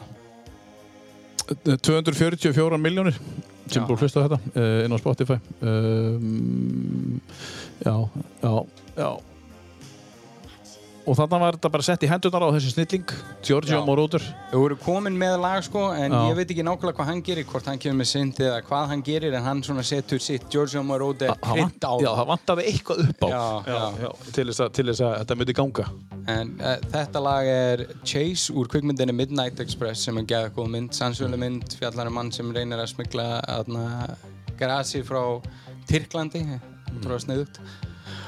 Og þessi tónlist er bara, þessi, ég er alveg ástofngin að þessum 80 synthesizer feeling og það er Giorgio Moroder algjör konungur sko. sem að er að koma svolítið mikið aftur Algjörlega. í tónlist í dag maður, heyrir þetta nýja stöf sem fólk er að nota Já. það er mikið 80s Algjörlega. svona, sem, að, sem, að, sem að kemur í gegn bara eins og Eurovision farin okkar hann er, hann er mjög mikið svona Já, Daði, já. þetta, eh, þessi synthesizer feelingur sem Já. er sem, það er það sem ég elska við tónlistina þetta geti alveg verið daði Já, nákvæmlega. bara eitthvað, eitthvað, þú veist þetta geta alveg verið hann sko. Algjörlega. en þegar maður heyrir og skilur Giorgio Moroder þá þarfst ekki að heyra lengra en þetta þá veist þetta er hann Já, já, já. hann er búin að búa til eitthvað samtalna sem að Algjörlega. Hallur Örn, takk fyrir að koma Já, þakka bara, þakka fyrir að hafa mig hér. Já, bara alveg bara frábært að hafa þig og, hérna, og gangið vel í öllu sem, að, sem að er framöndan og öruglega hellingur Mónandi. og þannig að hérna, við ætlum að enda þetta á Giorgio Moroder og kæri hlustandi, takk fyrir að hlusta á tíu bestu og aftur, takk kærlega fyrir að hlusta á tíu bestu